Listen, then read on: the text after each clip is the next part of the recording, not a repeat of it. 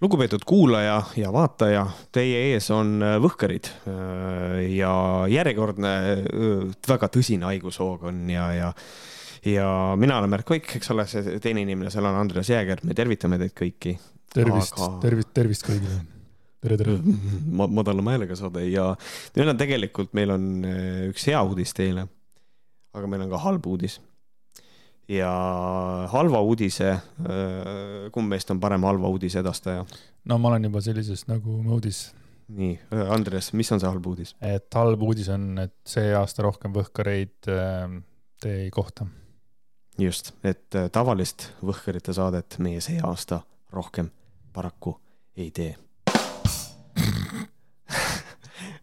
küll aga äh, siit tuleb sisse meie hea uudis, meie hea uudis on see, et kui te olete liitunud meie Patreoniga, siis te ei pea selle pärast muretsema. Äh, nimelt patroonhäälinguid me teeme edasi, siis detsembrikuus kaks tükki, ehk siis me võtame need nädalad vabaks, mis meil on tavasaated. lihtsalt, et natukene veits endal ka hoogu maha tõmmata, natukene rohkem puhata. ja tegelikult see on ainult üks esimene pool heast uudisest nüüd lähme tagasi meie tavasaate juurde. nagu te teate, siis eelmisel aastal Võhkarid äh, tegid äh, suurejoonelise auhinnagala, äh, mis olid siis aasta võhad ja. kui ma õigesti mäletan, siis see oli see saade, kus Märt tegi mingisugune kaksteist või neliteist päeva seda, neid nägusid pani sinna Youtube'i videosse jah, jah, jah, just.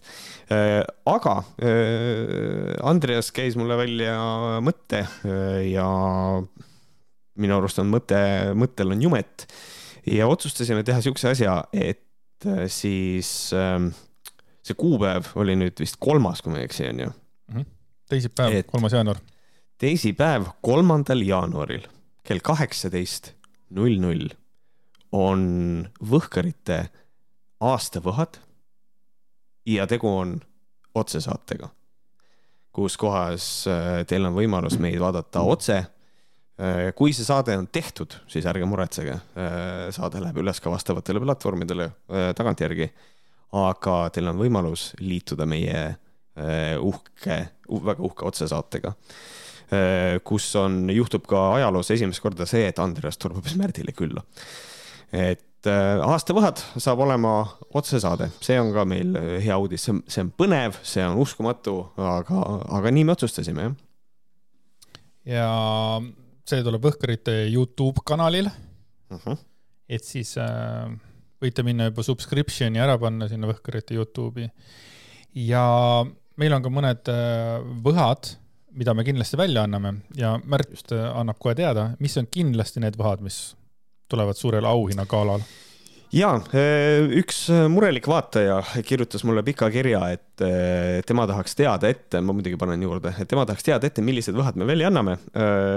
kõik võhad, mis eelmine aasta välja anti, ei kindlasti, kohe päris kindlasti need kõik ei, kõike me ei loo, see aasta chill'isti näiteks võime julgelt öelda, me välja ei anna.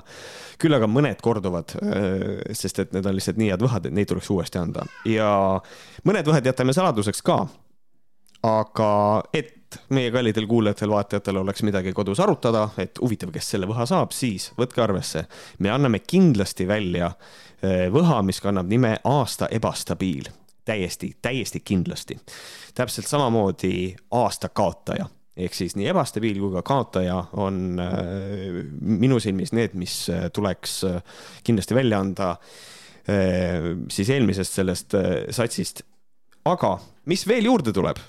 Pange vaim valmis, me anname välja tiitli aasta uhuu ja me anname välja ka aasta antivõhkar. see on siis selline eriline auhind. Äh, tunnustame ka neid inimesi. aga täpselt samamoodi äh, on praegusel hetkel plaanis ka välja anda aasta jokk, äh, siis aasta tüliõun, aasta tüliõun on väga põnev, on, on, on väga põnev, räägime tausta ka, et aasta tüliõun on siis see auhind, mis läheb mingisugusele teemale mis. Või inimesele. Äh, või inimesele, kes äh, tekitas Võhkarites mingisugust teatud hõõrdumist. ja, ja tegelikult kõige lõpuks on siis üks kõige prestiižikamaid auhindu, mida Eesti Vabariigis on üldse võimalik endale saada ja see on aastaroe me anname välja ka aasta roe auhinna mm -hmm. ja ärge muretsege, me ei anna seda, see ei ole mõeldud inimesele, et see inimene on roe. ei, see on konkreetselt ongi aasta roe, me hindame selle inim-, no ühesõnaga, te saate aru, mida me mõtleme ma usun, et tegelikult juba targad ja, ja võhkareid kuula, kuulanud inimesed, noh, nagu alati kuulanud ja mõttega kaasas olnud, ehk suudavad isegi selle välja mõelda, aga. juba teavad jah aga jaa, ma ootan põnevusega, sinna on küll muidugi veel fucking kolmkümmend mingi neli päeva aega, aga mm -hmm. see on äh, amazing, see on väga äge.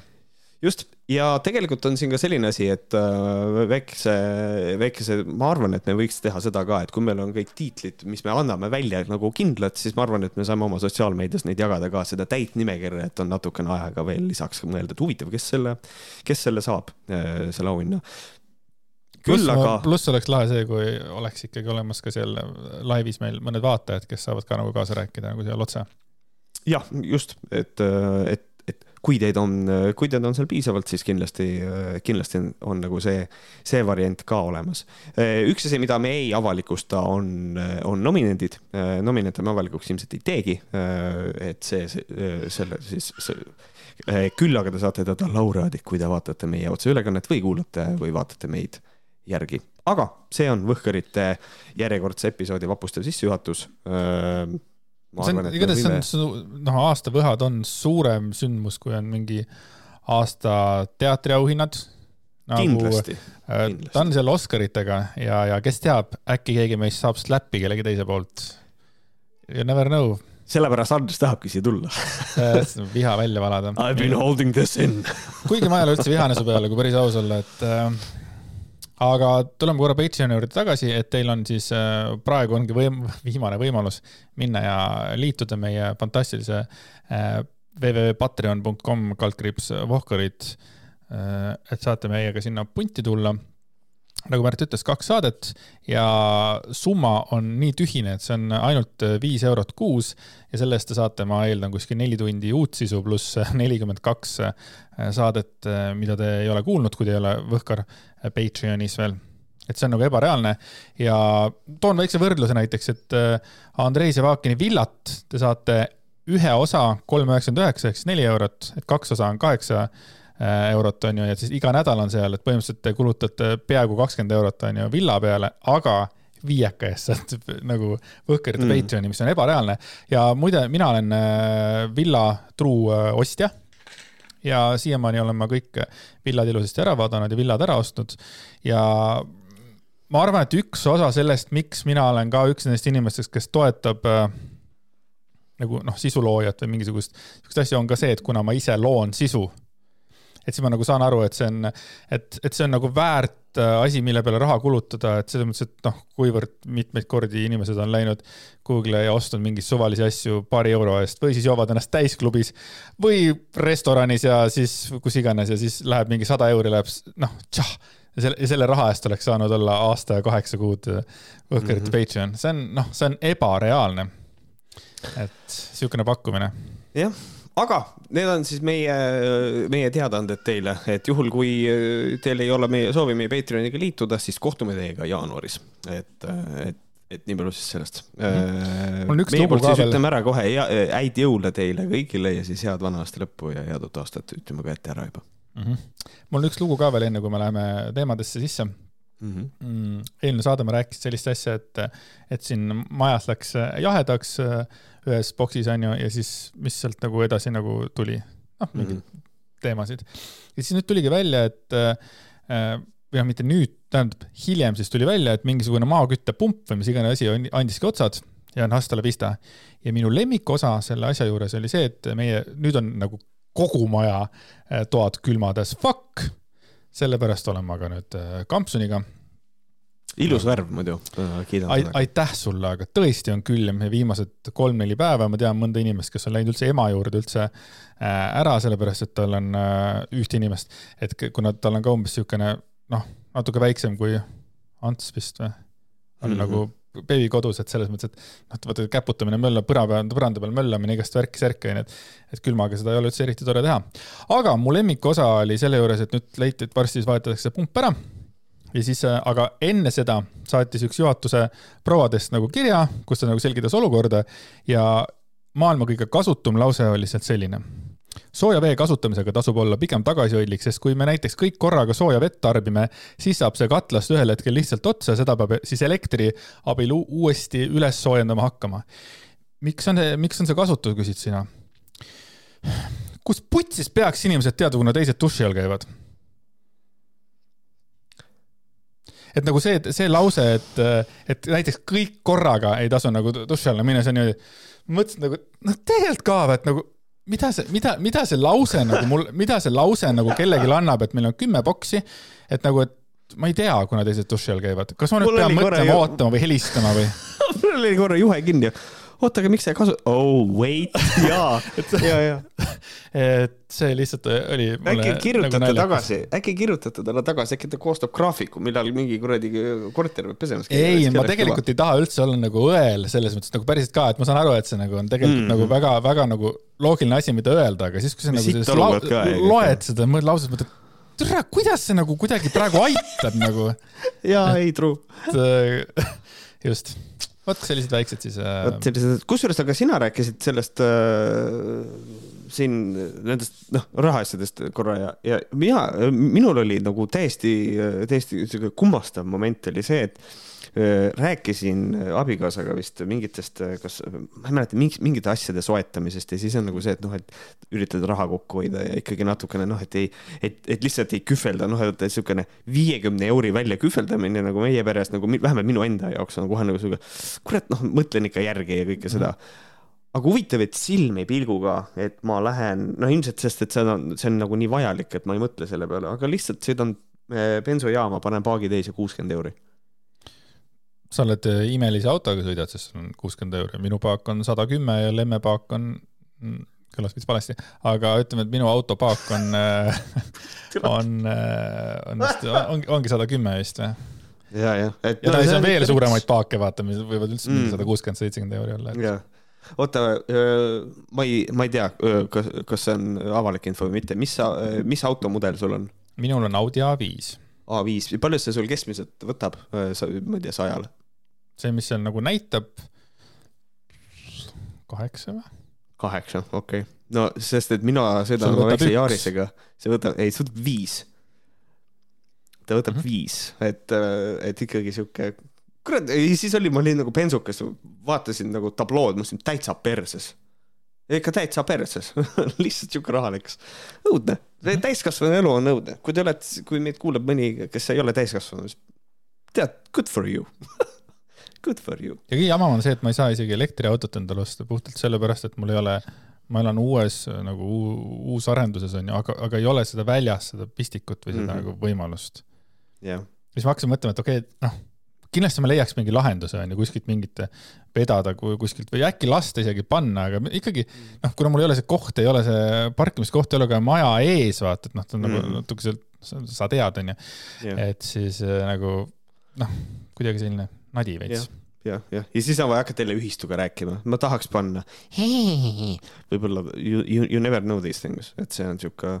noh, Jüril on elektriauto, ta sõidab vist mingisugune a la, ma ei tea, paari euroga käib Tallinnas ära ja noh, ilma naljata, vaata. okei okay, mm, -hmm. rohkem, aga no ikkagi me räägime mingi üliväikesest nagu summast, mis on nagu holy shit nagu. jah, no isegi kõrgemate energiahindadega on odavam tegelikult mm, -hmm. jah.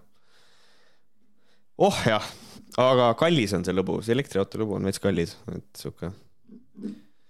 sa mõtled nagu, et auto ise on kallis või? auto ise on kallis jah, et noh, see on see esmane investeering sellesse autosse on ikka suhteliselt suur. no ma kujutan ette, et kahekümne viie tonniga võiks saada nagu juba sellise odavamat klassi elektriauto ja siis sealt liiguvad võimalik jah. nagu to the eternity, eks ole mm. aga äh, lähme siis meie nüüd meie põhiteemade juurde ka äh,. meie vahva osa number kuuskümmend kolm äh, ja meie esimene teema on eelmise aasta äh, lausa kahe võha laureaat. Äh, ta oli äh,, ta oli siis aasta vabadusvõitleja ja aasta jonnipunn hästi vastu, vastuolulised selles mõttes äh, võhad ja kus ma rääkisin iseendale ka vastu, ma hiljem kuulasin saadet järgi, ma mõtlesin, et holy shit, türa, ma olin nagu, ma olin, ma panin tol hetkel täielikult nagu, nagu noh, täpselt sel hetkel, noh, et igatahes ma rääkisin vastuolulist juttu nende kahe selle ajal. Mm.. et okay. äh, ai, et ma ikka saan aru ka, et ma ajan ikka vahepeal täielikku võhka suust välja, noh. Tead, ühel aastal me peame ise ka saama need võhad, ei ole midagi aga Elvis Brauerist on juttu. Elvis Brauer kirjutas Facebookis kahekümne kaheksandal, kahekümne kaheksandal novembril äh, postituse, mis, äh, mida, mida ka mina nägin ja kuidagi oli hästi lihtsalt. ma olin lihtsalt, lugesin Liisale ka selle ette ja siis me olime mõlemad mõtlesid, et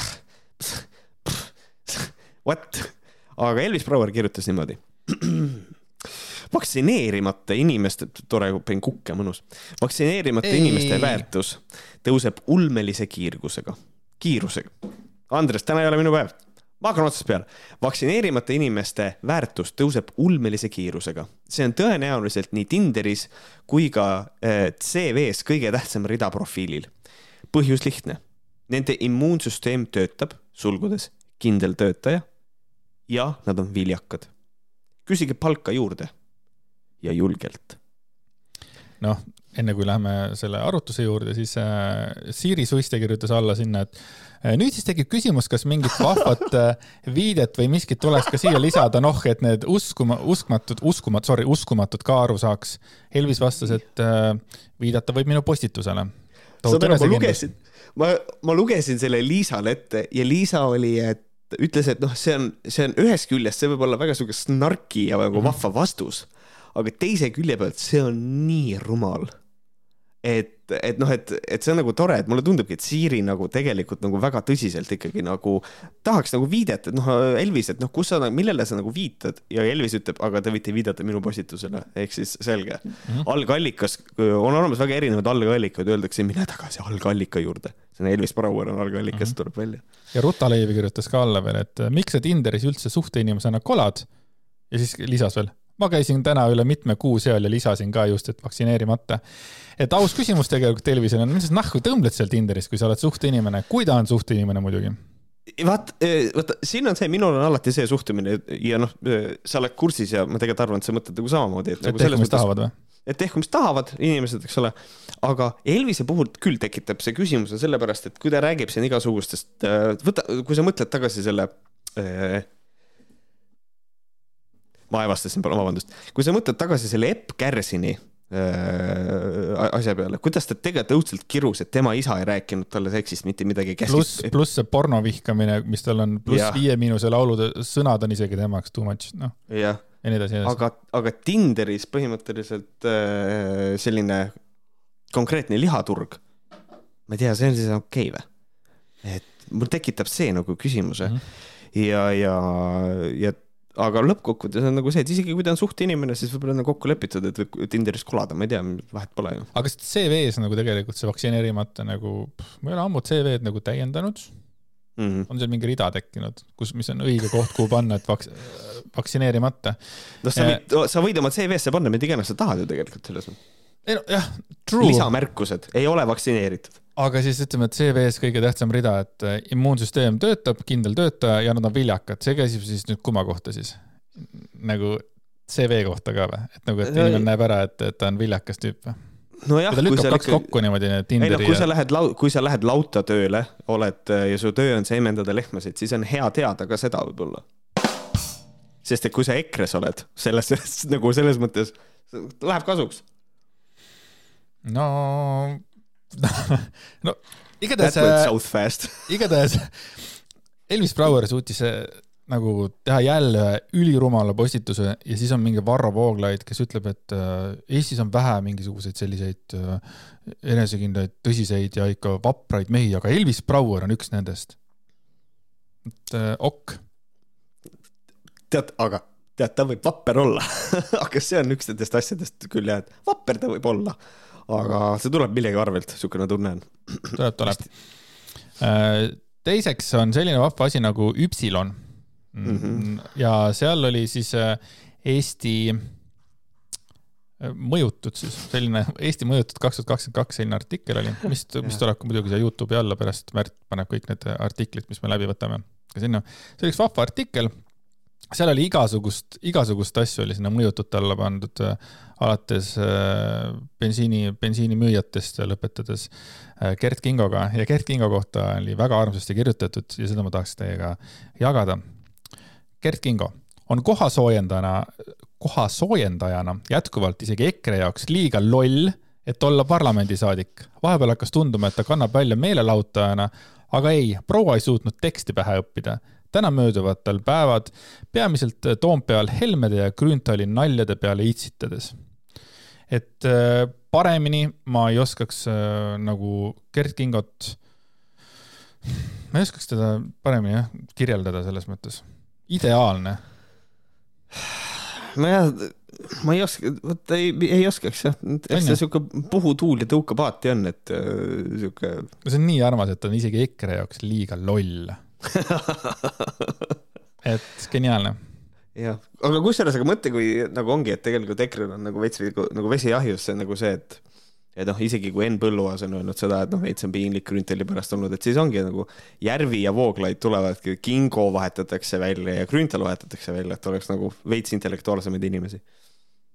no eks näe, nagu ma aru sain, siis Varro ei ole väga kõrgel sellel positsioonil seal, et Riigikokku saaks, mis ta oli, kaheksateistkümnes nimekirjas, mingit teema sellega oli, ma just vaatasin ennem. Mm.. loodan, et ma ei aja praegu hullu umbluud, noh. Jah, ja siis äh, lähme siit kohe kiire jooksuga edasi meie järgmise teema peale. Ja järgmine teema on see, et kuidas äh,, me oleme just Varrost rääkisime, siis äh, teemaks on ka Varro. Äh,, kuidas Varrol on tegelikult täiesti ükskõik. äh,. Nimelt Varro Vooglaid tegi postituse sellest, kuidas tal on täiesti ükskõik. see on nii armas. postitus, ja postitus on selline naljakas on vaadata, tegelikult ma ei taha lugeda. tee, tee okay., pohhui, tee, ära ole igav naljakas on vaadata, kuidas Eesti Päevaleht koostab seda mõjukate tabelit. mitmed inimesed on täna avaldanud arvamust, et see olevat veider, kuidas eelmisel aastal paigutati mind Eesti saja mõjukama isiku tabelis kuni kuueteistkümnendale kohale. sel aastal pole mind aga üldse mainitud mulle tundub aga, et siin on, et siin pole veidrat midagi, kogu see tabel kujutab ju endast lihtsalt manipulatsiooni, millega suunatakse ühiskondlikke hoiakuid.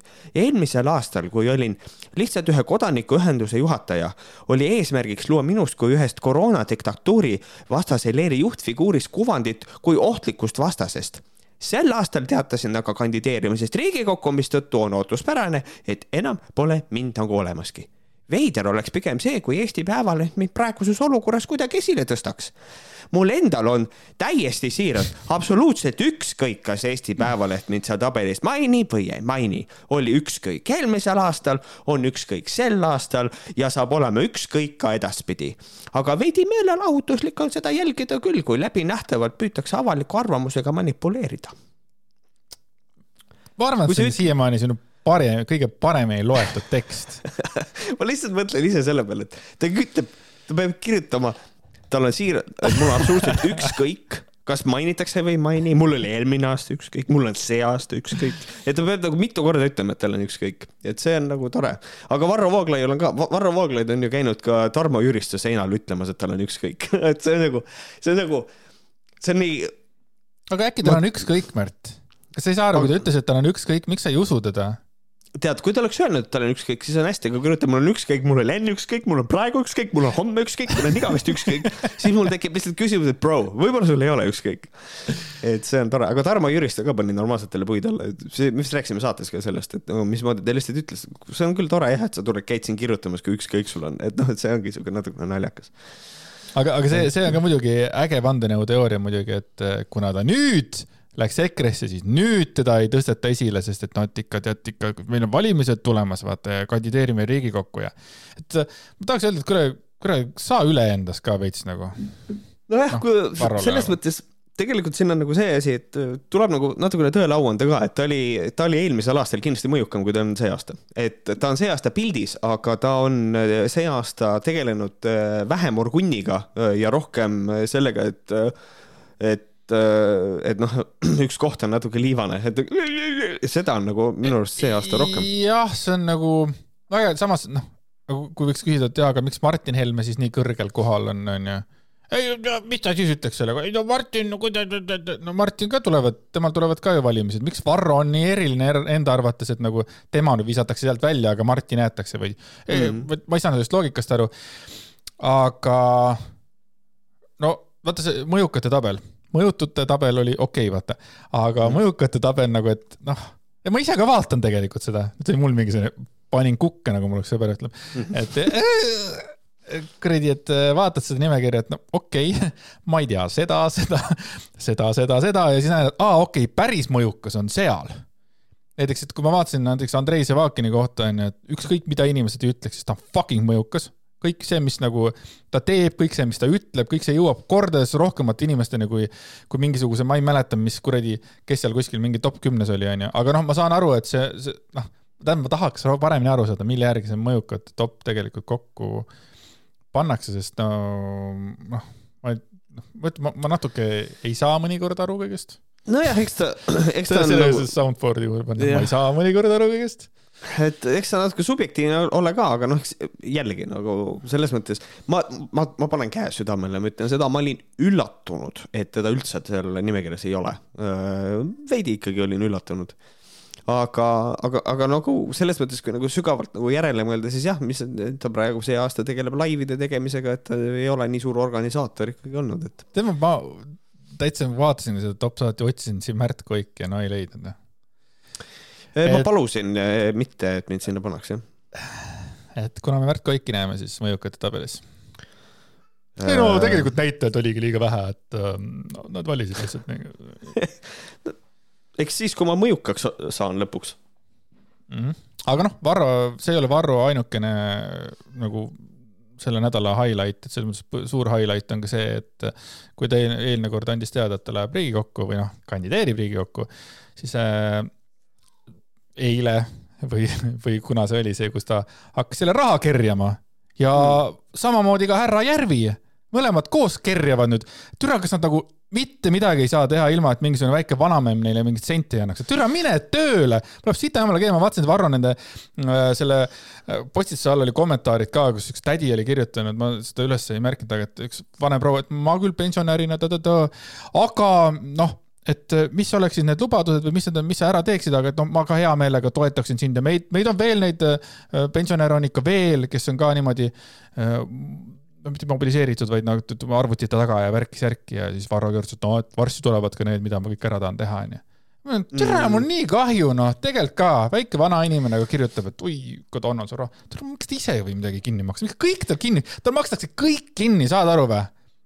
Nagu... See, aga, aga selles mõttes tuleb ette, väga ettevõtlik mees, väga tark mees selles mõttes ja, ja ma natukene tegelikult kusjuures. kuule, kas ta läbi, kuule, kas ta läbi ei ole või? ei, nagu, kusjuures ei ole. see on ei nii ole. veider, päriselt ei ka. raha küsimine Mi..., vaata, vaata, kuule nüüd, kuule minu loogikat. meie Patreoniga anname midagi vastu. mida annab Varro vastu? lootust. kuradi lootust vot ongi, ta annab lootust. vaat siin on see, ma tegelikult natukene oponeerin sulle selle koha peal, et Tavai. Äh, mina olen ise kogu aeg äh,. Varrole raha maksnud mit,. mitte kogu aeg äh,, Varrole raha, ei, aga äh, mul on endal, kuna mul on live stream idel ka, mul on ju äh, Donald Lincoln all, siis äh, ma tegelikult ikkagi väga tõsiselt olen selle asja peale nagu mõelnud. see ei ole sama äh,. ja põhimõtteliselt äh, ta ei ole sama, aga seal on teatud sarnane asi äh, ja seal on see, et ma olen avanud selle kanali, et inimene saab mind toetada, kui ta, kui ta selleks soovib. ma lihtsalt juhin sellele palju vähem tähelepanu. aga printsiip on nagu, nagu, nagu veits sarnane, mis Varro puhul on nagu eriline ja mis nagu võib-olla tekitab inimestes sellist nagu tuska selle asja juures, on tegelikult see, et tal on projekt after projekt after projekt after projekt ja kogu aeg on raha vaja. et nagu see võib-olla on nagu see, aga üldiselt äh, mina võtan sellise seisukoha, et ma ei näe mitte midagi valet nagu selles, kui inimene küsib raha nende inimeste käest, kes on nõus talle seda raha maksma, et tema kandidatuuri tegelikult toetada ja kes tema poolt ka hääletaksid. et nagu, kui valija on nagu nii tugevalt oma nagu selle lemmikkandidaadi taga, et ta on nõus tema kuradi kautsjoni kinni maksma ja valimiskampaania kinni maksma, siis maksu kinni et äh, mina, minu seisukoht on selles mõttes natukene. jaa, selles mõttes, et ma olen nagu tegelikult sinuga selles mõttes nõus, et ütleme, et kui noh, see on nagu sarnane aga seal tulebki see aga, see fucking Varro ja Markuse puhul tuleb see fucking aga mängu. ja siis, kui nad ei saanud selle kuradi oma fucking, kes see seal Madissoni kuju jaoks või mille jaoks kuradi raha kokku ei saanud, siis tehti fucking tunniajane video ja, ja näid-, viibutati ei näppu. vahet ei ole, viibutati näppu, minu pärast olgu kümme või, aga tehti, viibutati näppu niimoodi, nagu mina praegu teen. oi, kus te nüüd olete ikka sellised, te ei maks-, te ei, te ikka ei anneta meile ja siis nad on pahased, see on nagu nende jaoks juba nagu nii loogiline, et inimesed maksavad neile see äh, on, vot see on asi, mille puhul mina ütlen äh, ka täiesti selgelt välja, et noh, tegelikult see kõik, see on üks kõige nõmedamaid asju, mis nad on teinud mm, -hmm. et äh, mitte nagu see, et ma annan välja ka ma annan välja ka nagu mingisugused noh, et hei, mingisugune teine video, et tuletame meelde, et meil veel raha koos ei ole, et andke, praegu on veel see viimane aeg nii-öelda hoogu anda, et teeme nagu hooandjat ja kõike seda aga mitte see, et sa teed äh, mingi kahekümne või, või, või, isegi veerand tundi, aga ühesõnaga lihtsalt nagu mingisugune nahutamine ja noomimine, et mm -hmm. tule, miks teil pohhui on kogu aeg. siis nagu, kuule oota nüüd nagu rahune maha, mis sul viga on. et selles mõttes jaa, sellega ma olen, sellega ma olen nagu nõus, selle koha pealt on see asi üsna inetu. ma arvan ikkagi inimene võiks nagu ise nagu ka veits raha teenida, mitte ainult kerjata kogu aeg, nagu äh, ma ei tea no. ja siia ma tegelikult veel ütleks selle ka, et mulle meeldis mulle meeldis Markuse postitus rohkem, sest et Markus oli äh,, kuidas ma ütlen äh,, Markus ei rääkinud rahasummadest minu arust. mis mõttes? Äh, Markus ütles, et palun toetage, aga minu arust Markus ei öelnud mitte ühtegi summat, palju tal nagu pappi oleks vaja saada. Varro Vooglaid oli kohe, mul läheb vist kümme tonni vaja. et, et see oli nagu natukene niisugune, ma ei, ma nagu ei oska, see on ka kahe otsaga asi, võib-olla mõne, mõnel inimesel on hea, okei okay,, kümme tonni, okei okay,, no siis tuleb võib-olla, võib-olla annetatakse rohkem, vaata, aga aga üldiselt äh, küll jah, et see Markus minu arust summat ei kirjutanud. mina kutsun küll mitte Varrole raha andma. jah, selle asemel liituge meie Patreoniga, sest teil on detsembris ka kaks saadet, mida kuulata. või ma ei tea, ostke lapsele uus mängu karu ja siis tegelikult see on nagunii väikse isegi kui ta on täiskasvanu ja see, kusjuures sellega saab ka rünnata, nüüd mind, see on nagunii väikse hiinlase poolt tehtud ja nüüd äh, selle kutsungiga me soodustame lapstööjõu ja orjatööjõu. tähendab, kokku vahet ei ole tegelikult. Äh, ärge Varrole lihtsalt raha makske. Mul on nii pohhu, ei, mul on nii pohhu, et äh, Varrole raha maksate, aga, aga ärge makske, mul on täiesti ükskõik, aga ärge makske, no täiesti pohhu on aga äh, teine asi, ärge annetke, ärge annetage Varrole raha selle asemel, teate, mida te võite teha, võtke Varrot šnitti ja investeerige see raha kulda. et võib-olla on nagu see mingi teatud safety, safety net teile mm. -hmm. aga jah tea küll. nii, nüüd on kogu EKRE sektsioon läbi ja algab algab uhuu sektsioon ja. tegelikult, tegelikult ei hakka, ma annan ühe mõtte veel. kas Vai. ei ole crazy, Andres, mõtle selle peale, et me oleme tegelikult kogu aeg ikkagi olnud nagu selles, et tegelikult Varro ja EKRE on eraldi sektsioonides ja nüüd järsku enam ei ole. Isn't it funny eh,? ei, tegelikult see ei ole nagu funny, ma arvan, et see on kurb ja see tegelikult, see on juba ammu oodatud ka natukene mina ootasin seda ammu. jah, aga. mina, aga palun... mul on täiesti pohhu, aga. aa, et tegelikult meil on suva. täiesti suva on. jah, äh, palun vabandust, ma segasin. aga oled sa kunagi mõelnud, äh, kuidas Romanovid elasid? korduvalt igatahes igatahes. ma, olen mõelnud ka selle peale, et kui meil on uus kuulaja, siis ta ei saa mitte kunagi aru, millest me räägime. no siis tuleb Patreoniga okei okay,, aita, teeme, küll. nüüd on cut it out nagu oli Full House'is või kuidagi oli. Äh, anyway, Alkeemia, meie koostööpartner äh, ja igatahes Alkeemias toimub asju ja seal üks äh, armas proua saab väga palju eetriaega või siis kirjapinda, ütleme niimoodi. ta oli eelmises elus Irina, kui ma ei eksi. aga nüüd ta on Aleksis. ja Aleksis. Issand, ta suri ära vahepeal, ta on nagu see kuradi Taani jalgpallur. mängis mängis jalkat, suri ära korra ja siis. ja, ja Kristensen või midagi taolist. aga, aga sellega oli ka pull, et siis, kui keegi jagas mingit Aleksis Varnumi asja ja seal Aleksis Varnum rääkis mingisugusest koolitusest midagi, siis ma olin, tere, see ongi Aleksis Varnum või? nagu nii, nii hoopis teistsugune, kui ma oleks ette kujutanud, milline näeb välja Aleksis Varnum. nagu yeah, ei halva ja pea pärast lihtsalt nagu täiesti teine asi aa, nagu keegi, nagu keegi Patreon'i kirjutas, et äh, enne kui mind näh-, ta nägi mind, siis ta arvas mm, -hmm. et ma mhm. näen välja nagu Jaanus Karilaid. ja, ja oli küll, jah. et äh, mm -hmm. cool, mul ei tule absoluutselt Jaanus Karilaidi nagu see hääl ette, vaata.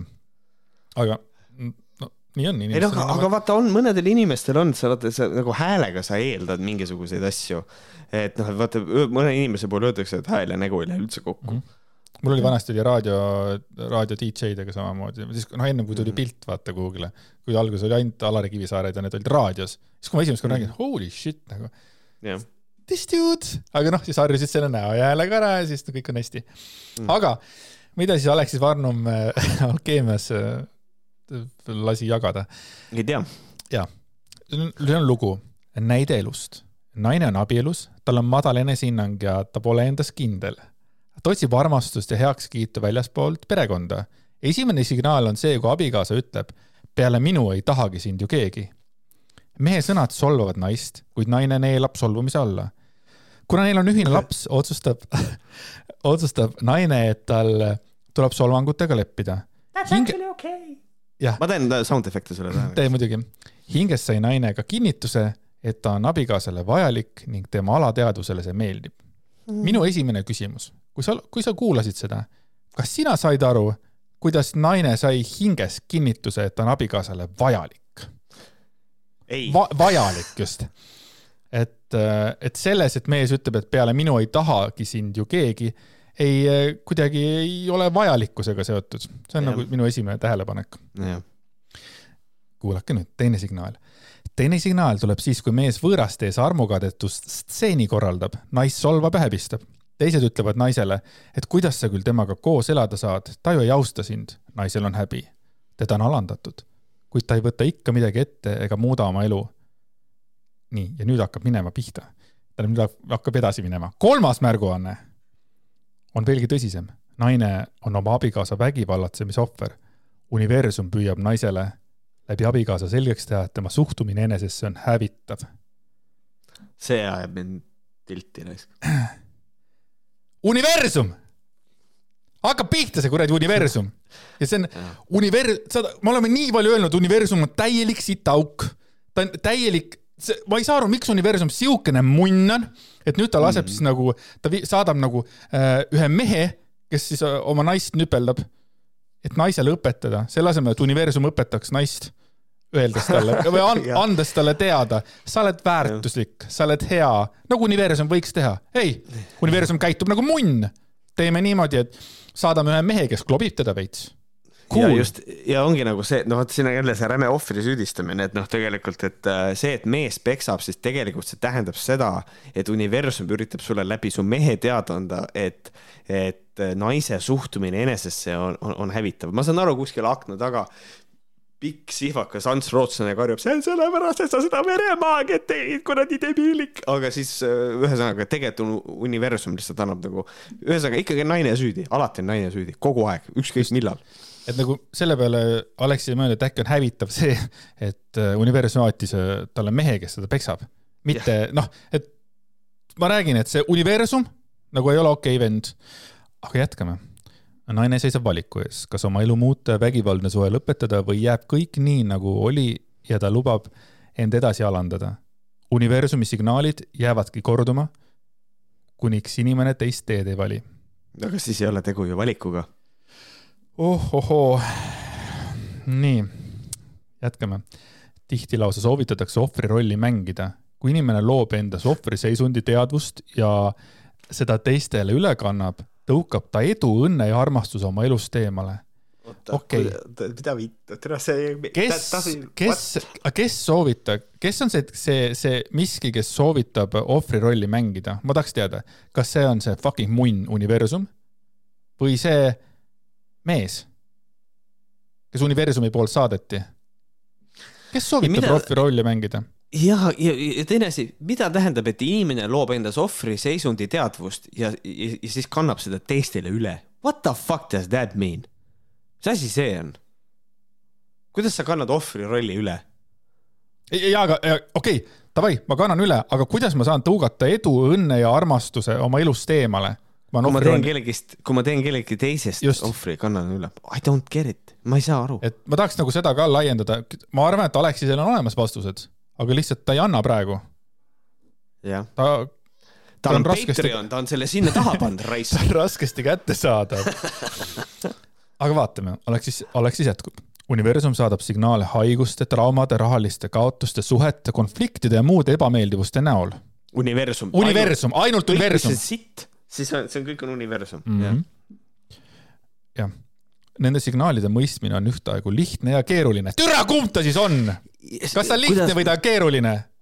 ma ei tea, ma ei tea, the, the, the utter complexity of utter simplicity, mingisugune pask. ei no noh, saab öelda, et noh, saan öelda oma abikaasale, et kallis, su armastamine on nii lihtne, kuid samas nii keeruline.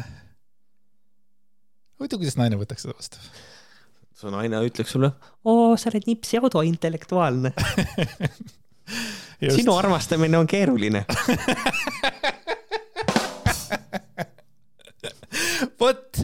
nii võikski vastata oi, oi, see oli hea. nii, jätkame, mis Alexisel on öelda.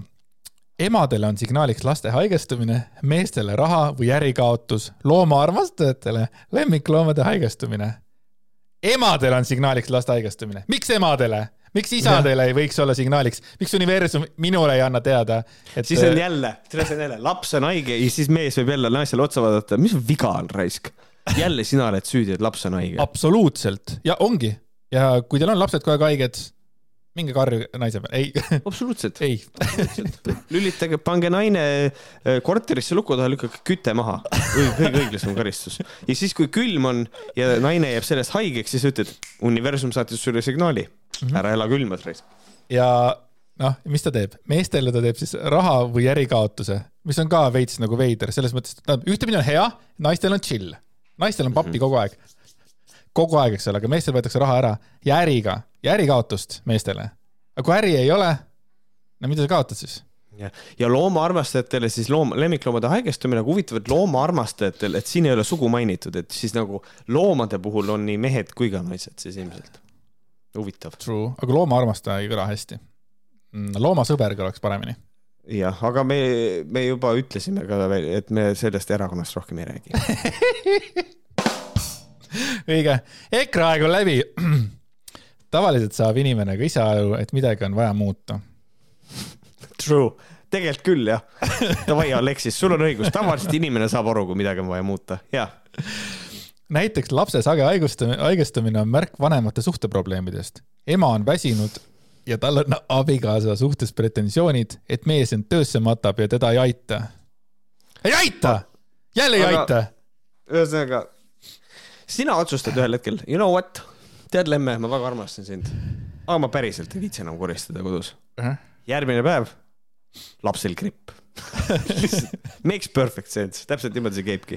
see ei ole kuidagi seotud sellega, et ta kuskilt lasteaiast selle võib-olla külge saab endale, ei, see on sulle signaal, Andreas mm. -hmm. ja, ja noh, ja, emale ka ma, ma olen, oleme, oleme jälle oleme siin ikkagi, et nagu, et ongi, et ema on see, kes koristab, peseb pesu, kasvatab last ja mees käib tööl. see on mm. ka Alexise loogika. juba see võiks olla väga suur red flag, kui sa Alexist päriselt kuulad nagu kui keegi ei oska rahaga ringi käia või seab enesele materiaalse eesmärgi, mille saavutamiseks ta ise midagi ei tee, annab universum talle märku läbi raha kaotuse kaob rahakott või pangakaart, ta saab poest viletsa kauba, pesumasin läheb katki ja muu sarnane uh.. see, kui nagu... rahakott, selles mõttes, et kui rahakott kaob, on universum süüdi. ei ole, ei ole, ei ole inimene, ei ole nagu midagi, ajamees, mitte see on universum. universum on alati mm. -hmm. mulle, ja mulle meeldib see ka, et uni-, universumi seisukoht on nagu see, et kui tal on rahaliselt raske, siis ma arvan, et kõige parem karistus on võtta tal veel raha ära ka. jah kui, kui on juba perses, siis võtan täiesti ära. aga jaa, see poest viletskaup on täpselt samamoodi, ei ole süüdi see, kes selle tegi, selle kauba mm., ei ole väike Hiina laps selles süüdi, vaid on universum. vähemalt, tegelikult see on hea vähemalt, et väike Hiina poiss oli süüdi, kes selle teeb seda jah, aga universum on süüdi selles, et see väike Hiina poiss seda, seda teeb. tähendab, mul üldse kogu see universumi juures. oota, oota, oota, aga kui väike Hiina poiss jääb haigeks tänu sellele, et ta teeb seda odavat kaupa, kas siis, siis on ka ema süüdi? siis on tema ema süüdi. et ikkagi ema, ikkagi kokkuvõttes igal juhul naine, naine ei saa võita. ei, see on üldiselt, see on nagu väga selgelt ikkagi tuleb igalt poolt välja ja see on tegelikult ka avalik info, see on tegelikult see valitsus.ee peaks sellega ülesse panema. ja ka Eesti kohtusüsteemid võiks sellega arvestada, et kui sa oled naine, siis sa oled lihtsalt süüdi, ongi nii see tundub olevat. see ongi. ja näete nüüd suhteprobleemide korral näitab universum, et tuleb iseendale rohkem tähelepanu pöörata, peab ennast väärtustama ja, ja enesest lugu pidama hakkama, mis tähendab, nüüd ta räägib juba täielikult naisega. sellepärast mm, -hmm. et äh, kui mees ennast väärtustab ja endale tähelepanu pöörab, tegelikult võib ju see ka olla suhteprobleemi nagu alge ju mm. -hmm. aga noh, siin ta nagu suunab jälle see nagu naisele, et davai. ja natukene veel. niinimetatud motiveerivad signaalid võivad meile esialgu väga keeruliste ja problemaatilistena tunduda, kuid nende taga peitub midagi väga tähtsat. universum lükkab meid takka, et me oma mugavustsoonist väljuksime. tehes Ag... meie lapse haigeks, tehes meile rahalist kahju, väga hea minu jaoks siin oli küsimus, et miks universum nüüd hakkab töötama, äkki ta teeks nii, et ta ei lükkaks meid mugavustsooni? miks universum alati nagu kõigepealt perse keerama? Jah, kusjuures ma tahtsingi seda öelda, et, et naljakas on see, et inimese eksistents on nagu mingisugune nagu, nagu totaalne põrgu, et ta üritab ennast nagu nii-öelda mugavasse tsooni saada, kus kohas tal oleks mugav, et sissetulek on piisav, kodu on olemas, soe on, tuleme ots otsaga ilusasti kokku, võib-olla natukene raha ülegi, saame natuke reisil käia, universum on kogu aeg naa, bitch, naa. ja siis kogu aeg muudkui kühveldab ja kühveldab. kaotab rahakott ära ja ärisid ja mm -hmm ära sa mul, sa mul juba viieteistkümnes rahakott see nädal, what the fuck jep, vaat pärast tuleb välja, et mingi laps peidab ära neid onju, aga näed, siin, siin räägib jälle, et universum. kui oled keerulises olukorras olnud, siis mõistad alles hiljem, et just see samm või juhtum oli vajalik selleks, et sind uuele tasemele ju suunata. universum tegi seda sinu hüvanguks, et sa seda lõpuks mõistaksid. kuidas siis nüüd on, kas universum teeb asju meie hüvanguks või lihtsalt meid kotti tahab? Mulle tundub, et ta teeb meie hüvanguks, sest ükskõik, mida universum teeb, see on ikkagi meile õpetuseks mm.. kui, ma ei, kuidas, hea küll, mine edasi Lähme edasi, kõik see siis on pärit Aleksis äh, Varnumi järjekordsest äh, imelisest teosest, mis kannab pealkirja Uus reaalsus. seda, et seda kogeda on. saadaval Apollo rahva, rahvaraamatus ja nii edasi ja nii edasi. kuule, äh, ma nägin äh, et äh, selle, kes on see, kes lükkas masinasse äh, naistele puuõõnes? Igor Mang, Boom. Igor Mangi raamat, top üks onju ja siis ma mõtlengi, et huvitav, miks ta on top üks, et no kuidas saab olla, onju, siis ma vaatasin selle hinda, kolm kuuskümmend üheksa, ime ka, miks ta top üks on. ta müüb oma sitta kolme kuuekümne üheksa eest, onju. ja teise koha raamat maksab kakskümmend kaheksa eurot, onju. no jah, pole ime. sest äh, üks spordiajakirjanik Äh, tegi tweet'i vist, et oh kuule, aidake mul no esimeseks saada Igor Mangist ette, onju. jaa, aga vahe oligi selles, et tema tabelis, tema raamat oli teisel kohal, aga hind oli kakskümmend kaheksa euri. jah, pensionärid ja kõik ostavad, persses, jah. aga et tutvuda Aleksis Varnumi äh, siis uue reaalsusega, siis kas ostke raamat või tehke mingeid väga kangeid äh, ravimeid äh,. aga liigume siis edasi äh,. räägime naabritest ka, rootslastest, aga ainult ühest ja, ja tema nimi on ka Ants. Ants Rootslane ähm,. Ants Rootsle-, Rootslane. Rootslane äh, andis teada, et ta ütleb vahel meelega räigeid asju, nimelt naine.postimees.ee on selle kohta ilus artikkel ehk siis podcast äh, Naiste Ilmunud. jutud äh, oli, rääkis mm -hmm. Ants Rooslasega veits juttu. ja Antsul olid seal mõned mõtted ja need mõtted on järgnevad ma olen alati mõelnud, mida ajakirjanik tunneb. tuleb hommikul tööle ja mõtleb, ma hävitan tänasele inimese elu, sest tema näiteks ei sobi minu perspektiivi. me ei suuda nagunii sobituda kõigi inimeste perspektiivi ja see ongi normaalne. ja seepärast on ka meedias nii. kui keegi midagi välja ütleb, siis ühtedele see meeldib. ja teistele ei meeldi, ta on nii insightful mees, uskumatu. vahel hoiad peast kinni kui mõni nali võetakse kontekstist välja ja sinust vormitakse meelega sellist ullikese mõõdet. ma olen ka natukene nagu napakas. olen lapsest saadik tajunud rohkem kui tavainimene oota, ma teen selle lause korda. ma olen natukene napakas True. aga ma olen enda jaoks sinna tõmmanud eetilise piiri nii, vahepeal kommenteeriks ka siis neid mõtteid ähm, mind väga häirib see, et äh, ta on seisukohal, et ajakirjanik tuleb tööle ja on otsustanud kellegi elu ära rikkuda. mind häirib see, et ta mõtleb seda, et, ajakirjanik teeb seda ainult hommikuti just nimelt hommikuti, õhtul nagu ei. et äh, hästi kummaline seisukoht ja et äh, tal on nii südames see, ma noh, kuulasin seda saadet nagu ka, ma kuulasin selle saate ka ära, kui on ikkagi sipelga, mis ta oli, Rootslein, sipelga, mis asi, mis tee ta oli? Äh, lein, no juurikatee, sipelga juurikatee tere küll, see jääbki, sipelga juuretee. sipelga juuretee jah, et sipelga juureteel on Kertu Jänes on ikka no nii hinge pugenud, et see on nagu ebareaalne, kuidas ta nagu rääkis seda, kuidas Kertu Jänese ikkagi proovis ta ei öelnud nime muidugi, proovis igatpidi teada saada, et äh, kuidagi, et kas ikka on teda nii palju seda raamatut müüdud, Seitsme surmamüsteerium, mis pask see oli.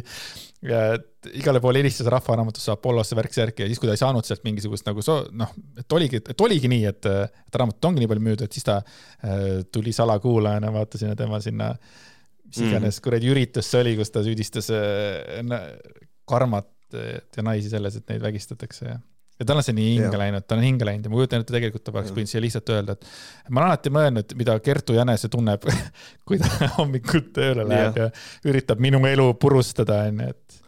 aga, aga kõige naljakam ongi see, et üritab nagu kuidagi, see on lihtsalt nii nõme, et sa nagu sa nagu üritad äh, nagu kuidagi hästi siukseks puhtaks jääda äh, või nagu selliseks, et noh, äh, ma olen sellest üle ja kõik, sa oled lihtsalt nii peti räägid ikkagi sellest samast inimesest, kogu aeg, ma lihtsalt nime ei ütle, no big deal, kõik saavad aru, kellest sa räägid, et see on ikkagi nagu väga lollakas, et see on nagu, ma ei tea, kuradi ole üle või tegelikult tead, Ants, võib-olla on asi selles, et võib-olla sul on see seitsme põlve taga mingisugune kuradi black tehtud ja siis sa praegu kannatad selle pärast, ma ei tea.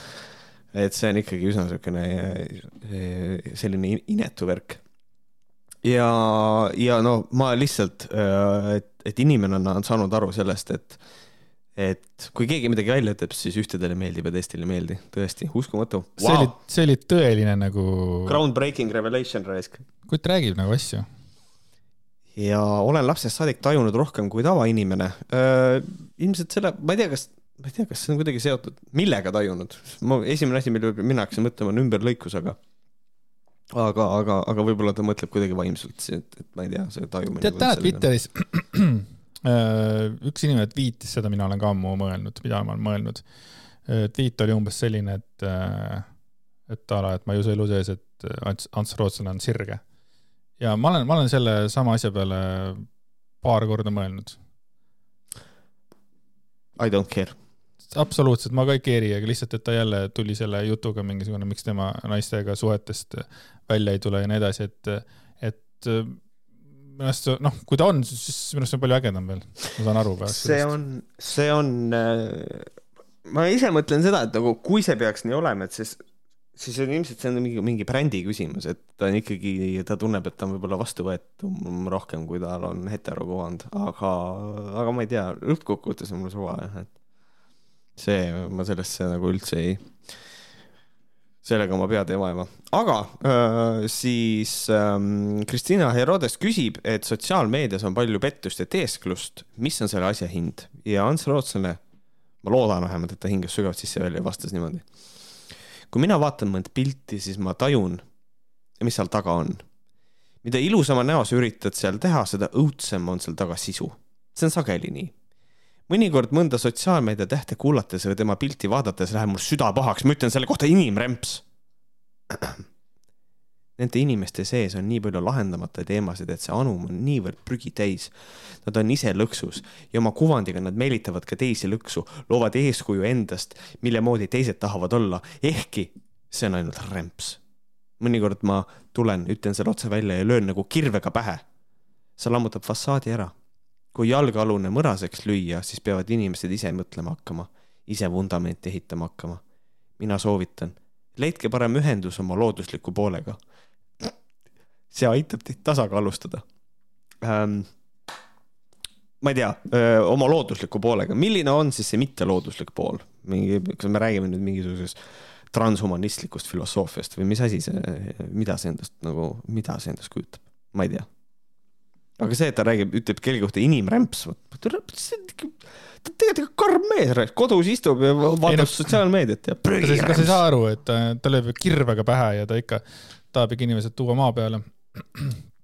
aga noh, see ka, et ta, et ta vaatab mõnda pilti ja siis ta tajub, sest, sest ta on hästi tundlik, ta kõike tajub, aga siis ka sageli on see nii. esiteks ma tahaks teada, kust ta teab seda et ta lihtsalt vaatab mingeid ilusaid pilte, et kohe ehitab mingisuguse loo sinna taga, et aa, nad on õnnelikud perekond, neil on siis putsis et kuidas ta, kuidas ta tajub seda, nagu. kuidas ta tajub seda nagu läbi, läbi interneti või läbi näo või millega, millega ta tajub, ta, ta ei oska ju lugeda kehakeeltki või, või mis? jah, vaata, siin ongi see huvitav, et kui ma olen siis hästi õnnelik ja ma tahaks seda sotsiaalmeediasse päriselt postitada, siis ma peaks kirjutama, et tegema neid kõige nõmedamaid postitusi, et äh, ma tean küll, kes sa oled ja tea, et sinu tund on tulnud no vaata, sa oled, võib-olla sa oled Twitteris ka tähele pannud, osad inimesed kirjutavad avalikult kellelegi teisele või kellegi teise inimese kohta, aga nüüd kontekst ei anna mitte midagi. et kas ma peaksin siukseid postitusi ah, tegema, siis mul on fine või? et, äh, et ma ütlesin sulle, et sa veel maksad selle eest, mitte keegi teada ei saa nagu, mille, millest sa räägid, ühesõnaga see on siukene, siukene kummaline mm natukene nõme. no me oleme rääkinud sellest, vaata, et siin aja jooksul muutuvad asjad, vaata, et mida me alguses arvame, mis tuleb, ütleme mingi, ütleme, kui lapse saad või midagi või mis iganes, see asjad nagu muutuvad, vaata ja piltidega on samamoodi. ja siis on mingi paar pilti, mida ma ei ole nagu nõus, ei oleks nõus tegema kuidagi. ma arvan, ma ei ole kaugel, et, et osta äh, perekonnaga koos mingisugused a la mingid onesid või mis iganes on ju, ja teha mingisugune mm -hmm. pilt on ju. aga mida ma ei ole nõus tegema? ma ei ole nõus tegema seda, mida paljud inimesed teevad ja ma ütlen, see on ainult minus, see minus on probleem, mitte teis äh, tekitatakse fotograafi, fotograafide juurde jõulunurgad. see on imeline kuusk. seal on nagu super mingid kingid on seal ümber kõik ja mingisugune imeline mingi pereidüll ja mingi, või mingisugune asi nagu. ja siis käivad paarid või siis perekonnad, käivad pildistamas selle kuusepuu juures. ja mina alati küsin, mis mälestust me üritame siin nüüd nagu tekitada? see ei ole meie kuusk, need ei ole meie kingitused. mida me siin mängime, et äh, minule tundub see hästi nagu, kas see on siis mingisugune valede mälestuste loomine või? sellepärast, kui sa tahad perepilti teha, siis tee perepilt, kus iganes sa seda perepilti teed, tee seda perepildina. aga kas need ei ole teie jõulud? see ei ole sinu jõulupuu, see ei ole sinu jõulukuusk, sinu jõulukingitused ja kogu see härd ja imeline jõul, see, see ei ole, minu arvates see ei ole nagu okei okay.. Äh, ma tahaks oponeerida.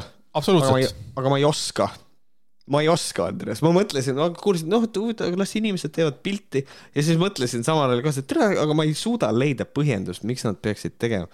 aga tõepoolest, miks?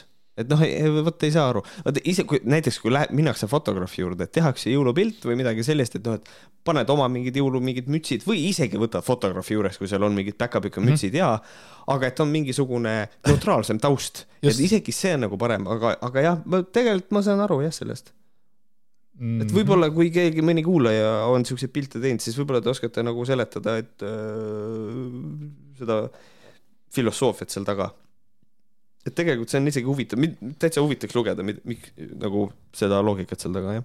sest ma ka ei teeks nagu selles mõttes, teeks ka pigem kodus. et siis on ka ainult, kas see ongi see ainult nagu pildiks või et nagu, et ma ei tea, laps siis kasvab üles seda pilti vaadates, oo, kas meil üldse olid jõulud või ei olnud ju. jah, jah. aga noh, jah, fuck it las ta olla. aga tead, et Ants Rootslane on siin viimasel ajal veel skandaali sattunud ja Nii. minu üks lemmikajakirjanites Grete Palgi tegi selle artikli, kus koolinoorte konverentsil jagas kogemusi pseudoteaduse propageerija, et siis seal olid igasugused ja, tähtsad ja, ja, ja targad inimesed.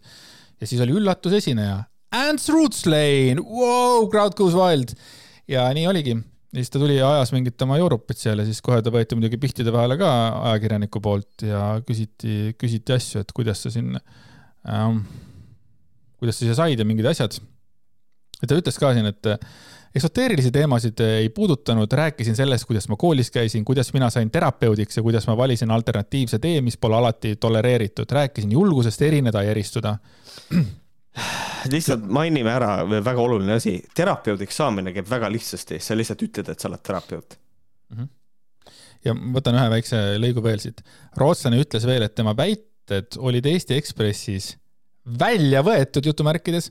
antud lause võeti välja konkreetse juhtumi jagamisest, seal naine tegi arguma, armumaagiat tulevasele mehele, kes osutus vägistajaks ja emotsionaalselt vägivaldseks.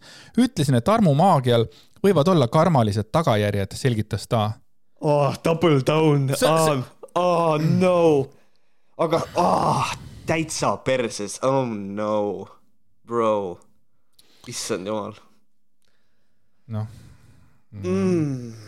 kusjuures ta veel selle naiste juttude podcast'i ütles ka, et ta ütleb mingeid asju sellepärast, et inimesed hakkaks oma peaga mõtlema. ja siis minu mõte nagu seal, siis kui ma kuulasin seda niimoodi, et türa, tegelikult ka inimesed maksavad fucking mis iganes summa onju, et olla sinu seminaril.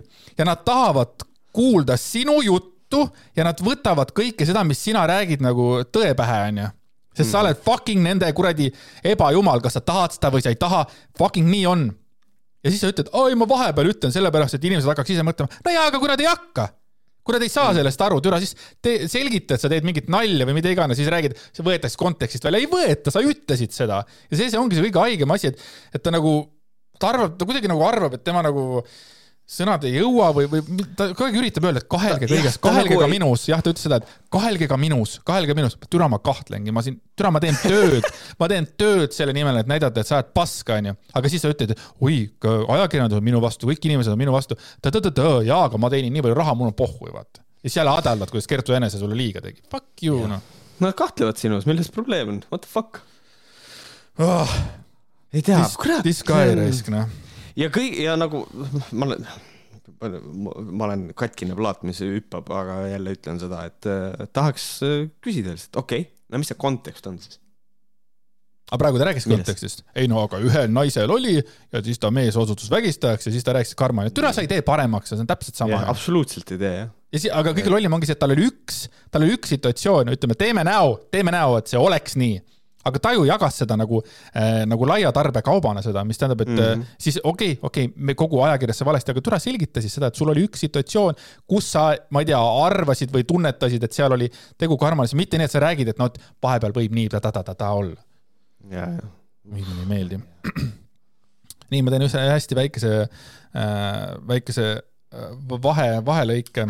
jogurtipaus jogurtipaus Mai Myers, maailma kõige rahulikum uhhuu, tegi siis postituse äh,. juhuu, S-Polardi õluraviseentega lakkvaavik ja kasekäsn on valmis. ei ole aimu, palju alkoholi sees on, suht mahe ja kerge tundub. Ivi Kaljumäe küsis, ütles, kasekäsn ei ole siiski mingi raviseen. Mai Myers vastas, siiski on ebareaalne enesekindlus, nagu ma ei näita sulle ühtegi asja nagu, kust ma seda võtan, ühtegi allikat, mitte midagi, ma ütlen, et nii on. oh, see on ikka täiesti. teeme, teeme nii, nagu tavaliselt Mai Myers ütleb. mina olen Ivi no. ja sina oled Mike Myers. Kase Käsne ei, Kase... ei, ma loen, ei oota, oota, oota, saad aru, siin on, siin peab mängima kontrastidega, ma loen ette ka okay. ma, ma kanaldan natukene seda, mis ta on, meie endine presidendiproua. juhuu Espolardi õlu raviseentega lakkvabika kasekäest on valmis, ei ole. Aimu, palju alkoholi sees on, suht mahe ja karge tundub. kasekähn ei ole siiski mingi raviseen. siiski on!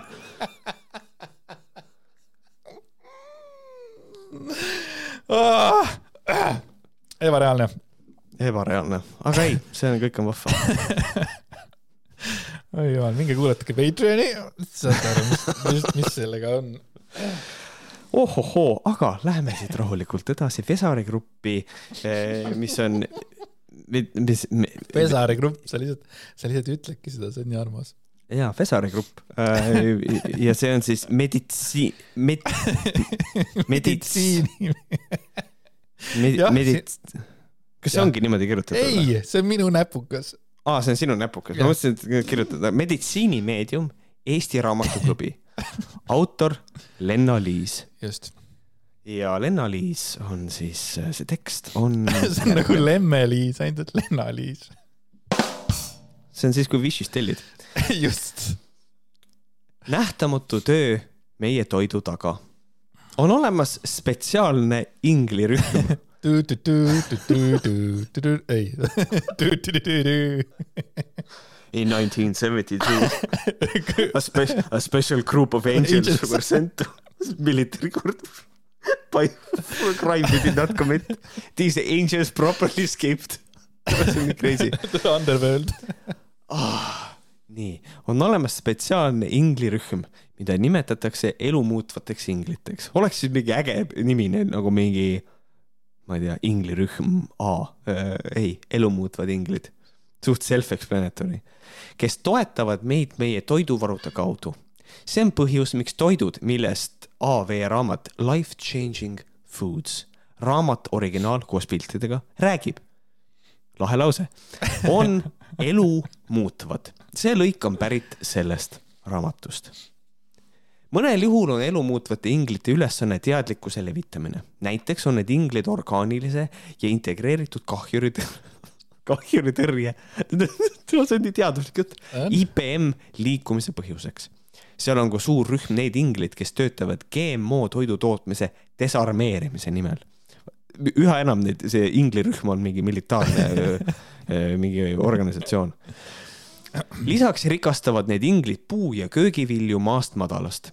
nagu kumb nüüd maast madalast on, kas puu- ja juurviljad või inglid, vot, vot sellest nüüd ei saa aru. True. arvan annavad..., ma arvan, et ikkagi nagu köögiviljad. ma loodan ka. Nad annavad igale õuna või spinatilehele, mida sööd, ingeliku väe. inglid meelitavad taimi andma rikkalikku saaki see, see kapsas kasvab ingel on ka, come on bitch, come on, tule, tule, noh, tule, tule, tule. ilmselgelt see on ikkagi inglite manipulatsioon ah,. jaa, absoluutselt. Eh, suunama toitu näljastele ja kontrollima ilmastikuolusid, et saada parimaid saagitulemusi.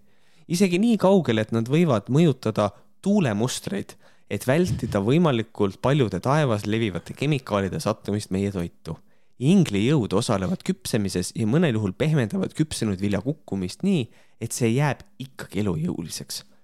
seda lugedes toidavad inglijõud maa peal seemneid tehes kõvasti tööd selle nimel, et eine, mida sööte mitu kuud tulevikus, oleks teie tervisele sel hetkel kõige kasulikum. inglid mõistavad, et toit on elu või surma küsimus ja mitte ainult inimeste jaoks elumuutvad inglid juhivad ja toetavad loomade iga-aastast rännet, reisides nendega koos, et aidata nende reisidel toitu pakkuda. Need inglid mõjutavad ja kaitsevad ka tolmeldajaid, juhtides koolibrid, mesilased ja Kool, muu meie to-. see on kooli, koolibrid. koolibrid, jah ja. Eh, eh, mesilased ja muu eh, sellise meie toidutaimede õitele vastastikuse kasu saamiseks. Need inglid on jumalik jõuallikas millele meil on juurdepääs. lisaks sellele aitavad nad ka kaasa tuulepuhuritele, kes puhuvad lehti, kui, kui kevad on just alanud inglid aitavad meestel hoida puhurit üleval. selle osa ma mõtlesin siia ise juurde, aga see võiks siin olla vabalt. elumuutvad inglid tahavad meid aidata. Nad mõistavad, et meie elud muutuvad olenemata sellest, mis toimub, siis miks nad sekkuvad ja nad tahavad olla kindlad, et need muutused oleksid paremuse poole. nii nagu puu- ja köögiviljad on kõige enesestmõistetavad toidud, on elumuutvad inglid kõige enesestmõistetavad inglid. ma ei ole, ma ei ole nõudu, ma arvan, et kaitseinglid on kõige enesestmõistetavad inglid. ja kõige popimad ka ja popid on nad kindlasti. kui soovid nende abi, on oluline nende peale hashtag valjusti pöörduda. tere, see hashtag, sa panid selle siia? ei, see oli nii. okei. kes kasvatab midagi aknalaual või uuel hooajal aiamaal, võib ikka abilisi juurde kutsuda, eks ole. nii, nüüd ma lõpetasin selle ära. Fucking kill me, see on lihtsalt nagu konkreetselt äh, mingisugune läbikukkunud fantaasiakirjanik mõtles, et Gotta make my money somehow ja siis ta lihtsalt hakkas niisugust kuradi iba ajama. aga ma mäletan seda, et see mingi inglite uskumine oli mingi mõned aastad tagasi oli ikka thing. ma isegi mul professionaalsel tasemel olen töötanud koos inimesega, kes usub inglitesse nagu, et inglid käivad ja aitavad kogu aeg.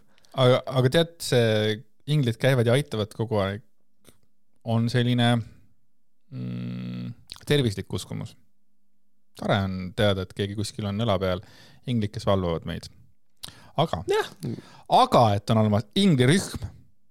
kõige haigem on see, et see inglirühm alguses kõlas nagu tõesti nagu mingi A-rühm, vaata, kus ongi kuus mm -hmm. või viis või neli onju, aga kui me jõudsime sinna äh,, sinnamaale, kust äh,, kuidas see oli, et äh, kukuvad, et see inglirühm päästab isegi neid õunu ja asju maha kukkumast mm. -hmm. kui palju neid on?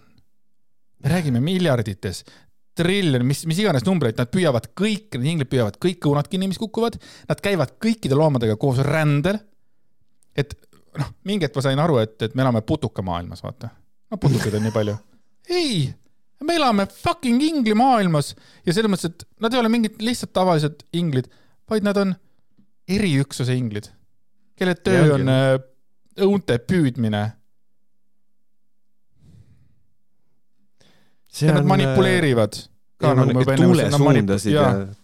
et see on, et see on crazy, aga noh. suunama toitu näljastele, nüüd vot keegi küsib, tahaks mina küsida, kuidas sellega läheb, sest ma saan aru, et kuskil on, mina ei, noh, ei tunneta seda, aga kuskil on mhm. toitu mm -hmm. vähe nälga on ikkagi ju päris. siis võiks inglid selles mõttes ei tee oma tööd väga hästi, need. jah, võiks siis juba tegelikult mitte siin ennast peita ja salaja teha, vaid nagu selle asemel võiks mingi logistikafirma püsti panna ja hakata nagu sellega nagu tõsisemalt tegelema, et see on jah aga noh, saime ju teada, et kui sa tahad, et nad tegelikult sind aitavad, siis sa pead tegelikult hashtag valjusti röökima nende peale, et siis võib-olla tulevad no seda küll, onju, aga see ka, et ingli jõud osalevad küpsemises mm. -hmm.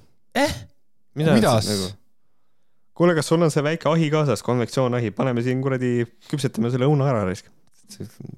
et see on ikka kõik ja, ja, ja tore on muidugi lõpus endale kuul pähe ka tulistada ja öelda seda, et nad mõistavad, et meie elud muutuvad olenemata sellest, mis toimub. et siis, aga what the fuck. meditsiinimeedium nagu kõigile.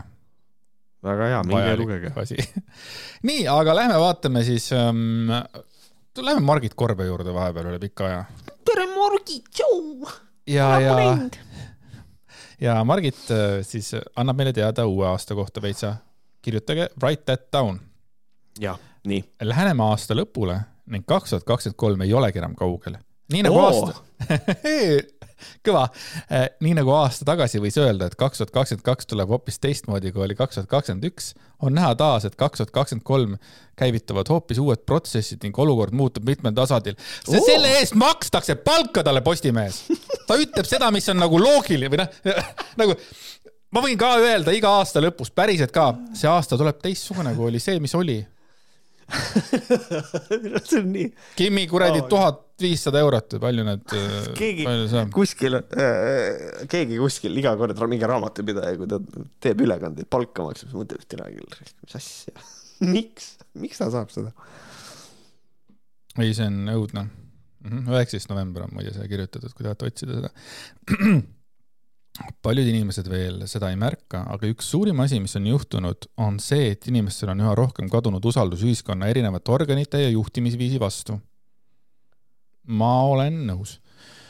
Ähm, on pettutud tervishoiusüsteemis, pangasüsteemis, haridussüsteemis, õigussüsteemis, rääkimata poliitilisest süsteemist. palun selgita mulle, mis asi on poliitiline süsteem põhimõtteliselt tal oleks palju lihtsam öelda seda, et äh, mai-, öelda, ära mainida, et kõik süsteemid ümberringi, et äh,. ei, ei, ei, ma mõtlen just see poliitiline süsteem, sellepärast et kuna ta, kuna see tekst, mis ta kirjutab, on nagu sihuke EKRE, siukene nagu EKRE vandenõuteooriate asi, siin hakkab nagu edaspidi ka tulema. kas ta on siis nagu poliitilisest süsteemidest, kas siis kogu süsteem, kas siis nagu EKRE on ka siis see, millest ta, ei ole ju, ta on ju mingitest äh, erakondadest või mingisugusest poliitikast pettunud mm. inimene, kuidas saab öelda poliitilisest süsteemist? äkki ma no, jauran niisama? minu jaoks on niimoodi, kui minu jaoks küsitakse, et äh, mis asi on poliitiline süsteem, siis mina, siis nagu mina teen äh,, siis noh, minule, mina kirjeldaks demokraatiat poliitilise süsteemina ma kirjeldaks äh, diktatuuri poliitilise süsteemina. et äh, mm. -hmm. aga siin ta ei anna ju, siin ta ei anna ju mitte midagi, ta ütleb lihtsalt poliitilisest süsteemist, okei okay,, mis yeah. see lahendus on, kõik, kas no ükski ei sobi siis või? jah, et ongi, et, et ei tea ja need pettumised on tulnud, olnud põhjusega. inimene on kogenud üha rohkem, et need süsteemid ei toeta ta enam, ei toeta teda enam. Laiemas plaanis oleme sisenemas ajastusse, kus need vormid ei saagi enam samamoodi edasi funktsioneerida äh,. esiteks ma tahaks teada, miks nad ei saa funktsioneerida, ta võiks seda anda mm -hmm. ja kuidas nad edasi funktsioneerivad. ja nüüd ta ka ütleb, et inimene on kogenud üha rohkem, et need süsteemid ei toeta teda. kas see inimene, ta, ta mõtleb nagu üldiselt nagu kõik siis või, või, või kuidas ta ütleb siis, ta võiks öelda mingi, mingi, spetsiifilise mingisuguse sordi inimese, et äh, kes ja, on konser praegu... konservatiiv äh, ja tõnumaalane on kogenud üha rohkem, et need süsteemid ei toeta täna. jah, sest et praegusel hetkel, praegusel hetkel on vaata täpselt see hais asja juures, et see on nagu, see on kirjutatud nagu horoskoop, et äh, see sind kõnetaks, siis on nagu kirjutatud niimoodi, siis sa saaks ennast seal tekstis ära tunda täpselt sihuke vibe mm. -hmm. teame vaid seda, et oleme sisenemas seni tundmatusse. Vau. üks väljend, üks väljendus yes. üks väljendusvõimalusi on katse kõike globaliseerida ning Maailma Majandusfoorumi plaanid võivad eesoleval kevadel suures osas käivituda. okei okay., mis see tähendab? selgita inimesele, kes ei tea, mida Maailma Majandusfoorum plaanib. Just, et ma saan aru, et ta, millele ta siin viitab, et see on see, keegi tuli mul chati ka sellest rääkima, et see on see, et you will own nothing and you will be happy, et äh, mingi niisugune kerge era, eraomandi ärakaotamise suured. okei okay,, mis tähendab korge, korbe praegu siis automaatselt, mitte automaatselt, vaid ta räägibki vandenõuteooriast? jah, jah. Ta ei räägi enam, saad aru, see, et Uranus on in the Mercurius ja mingid asjad on kogu aeg retrokraadis. ta räägib mm -hmm. päriselt fucking vandenõuteooriat. jah. Holy shit nagu. aga ma ei ole üllatunud selles mõttes, ma ütlen holy shit, aga ma ei ole üllatunud mm. -hmm. nagu this woman is crazy anyway mm..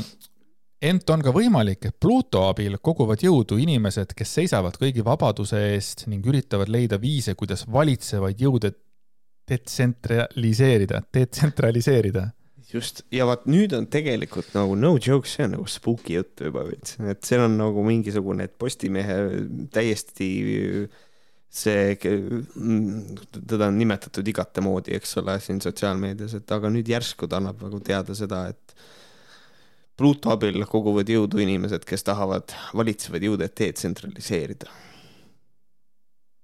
et see on ikkagi niisugune nagu kergelt niisugune revolutsionääri vibe on siin sees, jah mm. -hmm et noh, see on nagu ja kuhu ma tahangi nagu jõuda, tegelikult on see, et nagu see enam ei ole väga naljakas, nagu muidu oli naljakas. retrokraadis aga nüüd on nagu veits spooky raisk. ta ei olnud juba siis naljakas, kui ta mingi Vene asja hakkas ajama seal Ukraina sõja ja selle kohta. ah, true, jaa, see oli ka korbe, jaa, jaa. see oli üks meie viimaseid selliseid nagu tõsiselt korbe sissevaatamisi. see oli holy shit. aga, mis veel Margit kirjutab? Pluto veevalajas võib viidata, et ühiskond digitaliseerib, digitaliseerub, vabandust, veelgi rohkem ja kõige suurem võim jääb infotehnoloogiale sulgudes tehisintellektile. miks huvitav? I have no what no, no, no what. I have no what. I have no what, tõesti, ma jään nende sõnade taha kas see tähendab inimesele suuremat vabadust ja sõltumatust või hoopiski vabaduse kaotust?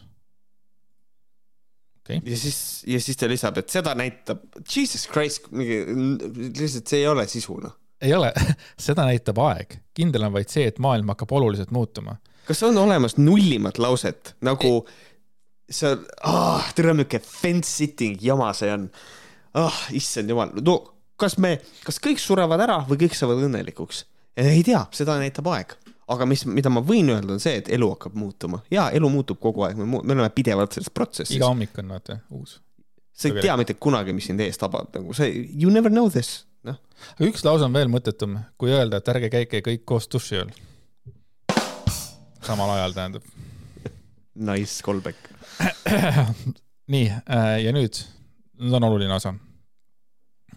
nagu mul üks sõber ütleb, Saturn sisenes veevalajasse kahekümne esimesel märtsil kaks tuhat kakskümmend. ja kuulake nüüd, kuulsa haiguse suureks paisumise ajal ja on viibinud nüüd kõik see aeg just seal. ta ei suuda seda välja öeldagi enam. koroona on, koroona on hõuks tema jaoks ma arvan, ma loen seda välja, sest ta ei, ta ei kirjutaks irooniliselt kuulsa haiguse suureks paisumise ajal mm. -hmm. ja kaua see fucking Saturn seal veevalajas on istunud? kakskümmend üks märts kaks tuhat kakskümmend. Kas tal kuhugile mujale ei ole minna? mida ta Kure, teeb seal? miks see veevalaja peab Saturni kannatama? kas Saturn, kas Saturn üldse küsis veevalajalt luba enne, kui ta, kui ta temasse sisenes? see on arusaamatu. ja päris tihti on Saturn Saturniga retrokraadis mm.. ja nüüd äkki ta on sisene- ja veeväelas ja ta vahibki seal fucking kaks pool aastat lihtsalt. lihtsalt nagu seisab, lihtsalt on sees, lihtsalt on sees lihtsalt. noh, that's it. ma olen tapp just täielik tapp on see. ja siis võib öelda, et Saturn alustas õppetundidega, mis valmistasid ette Pluto veevalajasse saabumise äh?. karmid õppetunnid, mis saabusid hõlmasid suurt inimkollektiivi, rahvus ja riik ei mänginud enam rolli. see viitab ka, et viimased kolm aastat on kõik inimesed tegelenud väga kollektiivse karmaga. karmaga oh,! Kolm aastat oleme meie saanud karmat millegi eest. kohe äkki saame teada, mille eest. tahtsid midagi öelda vahepeal? ei tahtnud. ka Vene-Ukraina sõda on tegelikult väga kollektiivne lugu, see tähendab, see on manifesteerunud kuna inimkond kannab endas sellist madalsageduslikku energiat, seepärast on kogu maailm ka sellele ühtmoodi kaasa elanud, taipamata selles oma osa. Üldiselt äh, arvan seda, et võiks minna, aga, aga. aga nagu... sellega oled nõus, et jah, me olemegi ise süüdi, meie oleme süüdi, et kõik oleme, kollektiivselt oleme süüdi, jah, ärme jumala eest süüdista kuradi äh, Putinit, ärme süüdista Aa. võimu, ärme ei, süüdista imperialistlikku mentaliteeti, no, no, no, no. ei, ei, aga vaatame USA poole. jah, crazy, see on ikka, see, see see on ikka vastik, ma ei tea, aga teate, vähemalt on inimesel töö ja saab palka, onju. et lähme siis äh,, räägime natukene ähm, Feng Shui'st. Feng Shui on asi, millega olen ka isiklikult kokku puutunud seoses sellega, et äh, käis kunagi üks peretuttav külas mm,. ja minu isa võttis Feng Shui teema millegipärast üles äh, mingist ajakirjast, et vaata Feng Shui'ga on, et keegi käib kodus äh, mingi kuradi, mingi muna niidi otsas ja siis kõlgutab seda kuidagi ja siis, et kuskohast peaks asjad, kus kohas peaks vesi jooksma ja kõik, kus kohas mööbel peaks olema ja mu isa kuradi hakkas ja rääkis sellest ja, ja mida ja rääk-, nimetas seda mõnitavalt seda asja, mingi munakõlgutaja käib, ütleb sulle, kuskohast sul peavad asjad olema, see on ikkagi, see on, et see on nii loll asi. Ja see meie peretuttav ei öelnud absoluutselt mitte midagi, sellepärast et seesama mees, kellest artikkel oli, oli tema juures käinud et siis sihuke sihuke seik on ka meil olnud elus, aga. aga Eesti... oota, oota, ma käisin ka kunagi ma käisin ka kunagi ühe nõia juures mm. -hmm. ja siis seal ta rääkis, rääkisin oma muredest ja ma rääkisin, ahah, ja siis tegi mingit asja ja siis ta ütles, et ma ei saa magada sellepärast, et äh, veesoonte peal on. et mhm. veesoonte peal on see voodi, mis iganes. okei okay,, ma võtsin selle informatsiooni endale teada ja ei teinud mitte midagi, aga kuna ta rääkis mulle ühele töökaaslasele täpselt sama juttu, tooli kõik ümber paigutanud ja siis ta, ta isegi soovitati veel see mingi veesoontele, et pannakse mingisugune, mingi puit või mingi asi pannakse sinna voodi peale, kui saa seal liigutada voodi alla, vaata mm.. see on nagu, kas see on ka feng shui onju? ja feng shui on arvatavasti see ka onju, et kus pidi peab olema kuskil lill, vaata, et saaks ja, ja no on, on, on, feng shui'ga on see, et ma mäletan, see, see meil peretuttav rääkis ka, et, et ta peab leiutama viisi, kuidas dušis, duši all saaks vesi joosta selle koha pealt, kus ei ole seina et ta peab mingi asja välja mõtlema, et vesi peab sealtpoolt jooksma. True, aga see ei vähenda seda probleemi, et ma ei tea, kuna, kuidas teised duši all käivad, sama, mis ajal nad käivad mm. -hmm. selles mõttes. Jah, aga äh, Feng Shui'st räägime, on olemas siuke veebisait nagu Eesti oma fengshui.ee ja siis on jutt ühest rahakassist. Nii armas. Äh, ja rahakass on siis, ei ole seotud sellega, et sul kassib ära, kui sul raha otsa tuleb, aga rahakass on siis üks asi, mis, aga noh, räägime siis rahakassist. rahakassi oluline detail on üles tõstetud käpp, mis töötab pendli põhimõttel. sellele hoogu andes anname hoogu juurde ka heale õnnele, edule ja jõukusele. esimene küsimus, kui kellelgi on rahakass näiteks kodus ja mina lähen ja noh, annan selle käpale high hoogu five. kogu aeg, kogu aeg, kogu aeg high five, high five, high five, siis kellele raha hakkab tulema, kas see, kelle kodus ma lasen teda kõigutada või mina, sest mina puudutasin rahakassi. jah, see on hea, hea küsimus. rahakass paigutatakse kodus või ettevõttes, mida kliendid igapäevaselt ei külasta, raha, rikkuse ja rahu, rahulolu tsooni äh, no see on nagu täiesti loogiline, et kodus tuleb paigutada tsooni, kus kliendid igapäevaselt ei käi. aga kui mul äh, käib kodus üle päeva kliente, mis siis mm -hmm. saab, kas see, kas siis on okei okay? või ei ole? siis peab vahepeal sulle. panema mingist, ma arvan, et siis peab vahepeal mingist teise tsooni panema selle. aga noh, jah, aga ikka on küsimus, et miks mul käivad kodus üldse kliendid? On teatud töö, millega, mida tuleb ka kodus teha. True, kodukontor tegelikult. kodukontor on ka olemas muidugi. kui ettevõtte eesmärk on tõmmata ligi iga päev palju kliente, näiteks kauplused, teenindussalongid või hotellid, siis paigutatakse rahakass kassaaparaadi lähedusse ja suunaga välisukse poole. Nota bene, nota bene, rahakassi nägu ei ole keeratud ukse poole, vaid neljakümne viie kraadise nurga all. rahakassi käppa tuleb aeg-ajalt puudutada ja jõukuse lainele aktiveerida aga kui ma panen mingisuguse väikse aparaadi, mis ta kogu aeg seda, seda lükkab.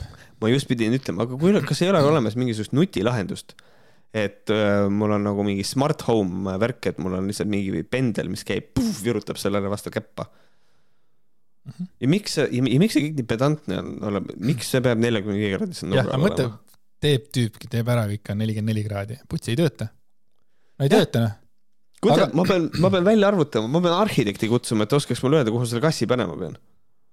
tead, palju see kass maksab ei tea. paku. issand, aa, oota, nad müüvad ju, see on ju merch, kurat. see on merch jaa, see on praegu, mis me teeme, puhas reklaam tasuta nagu. see raha peaks äh.... okei okay,, ma panen hullu, viiskümmend. kolmteist kaheksakümmend aa, ma mõtlesin, et odav, ma mõtlesin, vaata, ma olen ikka skämmimisega harjunud, vaata. jaa, selles mõttes on päris nagu, nagu okei. Okay.. ma ostaks ennem endale rahakassi, kui kerromarilin.eu, mis iganes asi pealt mingisugust shit'a. või Kirsti Timmeri mingisuguse asja, igal juhul rahakass, ma arvan. jah, aga on olemas ka äh, rahakast, mis maksab nelikümmend üheksa, viiskümmend nende poes, et äh, kurat, raisk vaata, mul oli see, mul oli, mul oli, ma olin energialaine selle teise kassi peal, ma kujutasin seda teist kassi ette. siis ma manifesteerisin enda pähe hinna. jaa, tõesti nelikümmend üheksa, viiskümmend on ka ja tegelikult on ka viisteist, üheksakümmend on ka mingid rahakassid. aga miks mitte osta mingi mitmetuhandene oma ettevõttesse nagu ütleme, sul on hotell ja ostad nagu hotelli nagu sissekäigu juurde siuke mitme meetri kõrguse kassi, kellel on see pendelkäpp ja siis see paneb ja siis sa pead mingi, sul on eraldi töötaja selle jaoks, et see käiks seda käppa peksmas seal ja see oleks. kusjuures, siin on palju, siin on veel üks väga pull asi müügil. suur siga, tellitav toode, sada kuuskümmend kolm eurot. huvitav, et ta müügil on, huvitav, et ta müügil on nagu, sest et kas ta ei peaks olema praegu Riigikogus? huvitav. ta on, ta on ka Riigikogus, aga saja kuuekümne kolme euro eest saab ka selle tegelikult. normaalne aga äh, et on vaja jõukuse lainele aktiveerida, kuidas see siis, kuidas see siis käib, et ja siis tuleb välja niisugune asi, et aktiveerija vajab aeg-ajalt puhastamist ja laadimist. okei okay., nii, kuidas see käib? lihtsaim viis, pane ese väikesesse karpi, kaussi ja raputa natukene kuiva meresoola peale. pärast kahekümne nelja tunni möödumist võta ese, puhasta ja pane kümmenurgale laadima. piisab viiest minutist. ära eset hõõru. kui palju teil on kodus kümmenurk? Ma ei tea ja mis asi on kümmenurk? mis asi on kümmenurk? kas see on nagu mingisugune, aga kui see on kümme nurka on näiteks, ongi mingisugune joogitopsi alusel näiteks, kas see ka sobib? no ma loodan, ma ei tea, kümmenurk. sest et kui ma panen otsingusse kümmenurk, siis mille ma saan, on äh, Eesti oma Feng Shui seitseteist euri maksev kümmenurk, mis on mingisugune konkreetselt tassi alus või mingi asi vist. kuule, ma ei pannudki väga palju vale mööda siis et see on ka mingisugune kuradi jarundaar, siis mida saab osta. ongi. ja kümmenurga abil saab ravida taimi ja teisi elusolendid. ja saab energeetiliselt laadida esemeid. mõtle, kui äge, sa ostad endale mingisuguse kümmenurga, mingisugune kuradi, mingisugune, sa viskad selle laua peale, siis paned mobla sinna peale, siis hakkab laadima seda wireless charging. see oleks kõva. ja kusjuures, kui sa ostad ühe kümmenurga, sa saad komplektis on neid kaks tükki siis see on kakskümmend nurk. siis ta võiks olla, või siis ta võiks, kümme nurgad võiks siin olla, mitte kümme. oota, aga kas ma saan panna ühe, kas ma saan panna ühe kümmenurga teise peale, siis ta on võimsam või?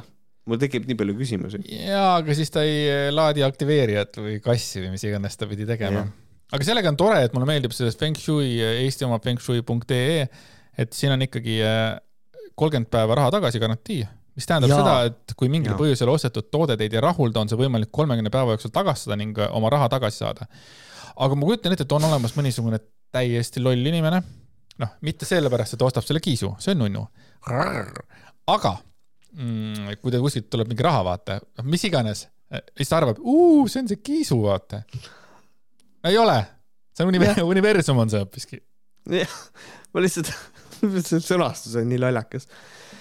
Mis tähendab, kui see toode teid ostetud mingil põhjusel ei rahulda, siis võite selle tagasi anda, okei okay. aga see on, aga see on tore, sest et saab tellida tagasi saata kogu aeg, see on, see on, see on tore, sest ta ei too teile niikuinii mitte midagi. aga me ei ole selle kuradi pullisitaga veel lõpetanud, kui te olete mures, ei ole.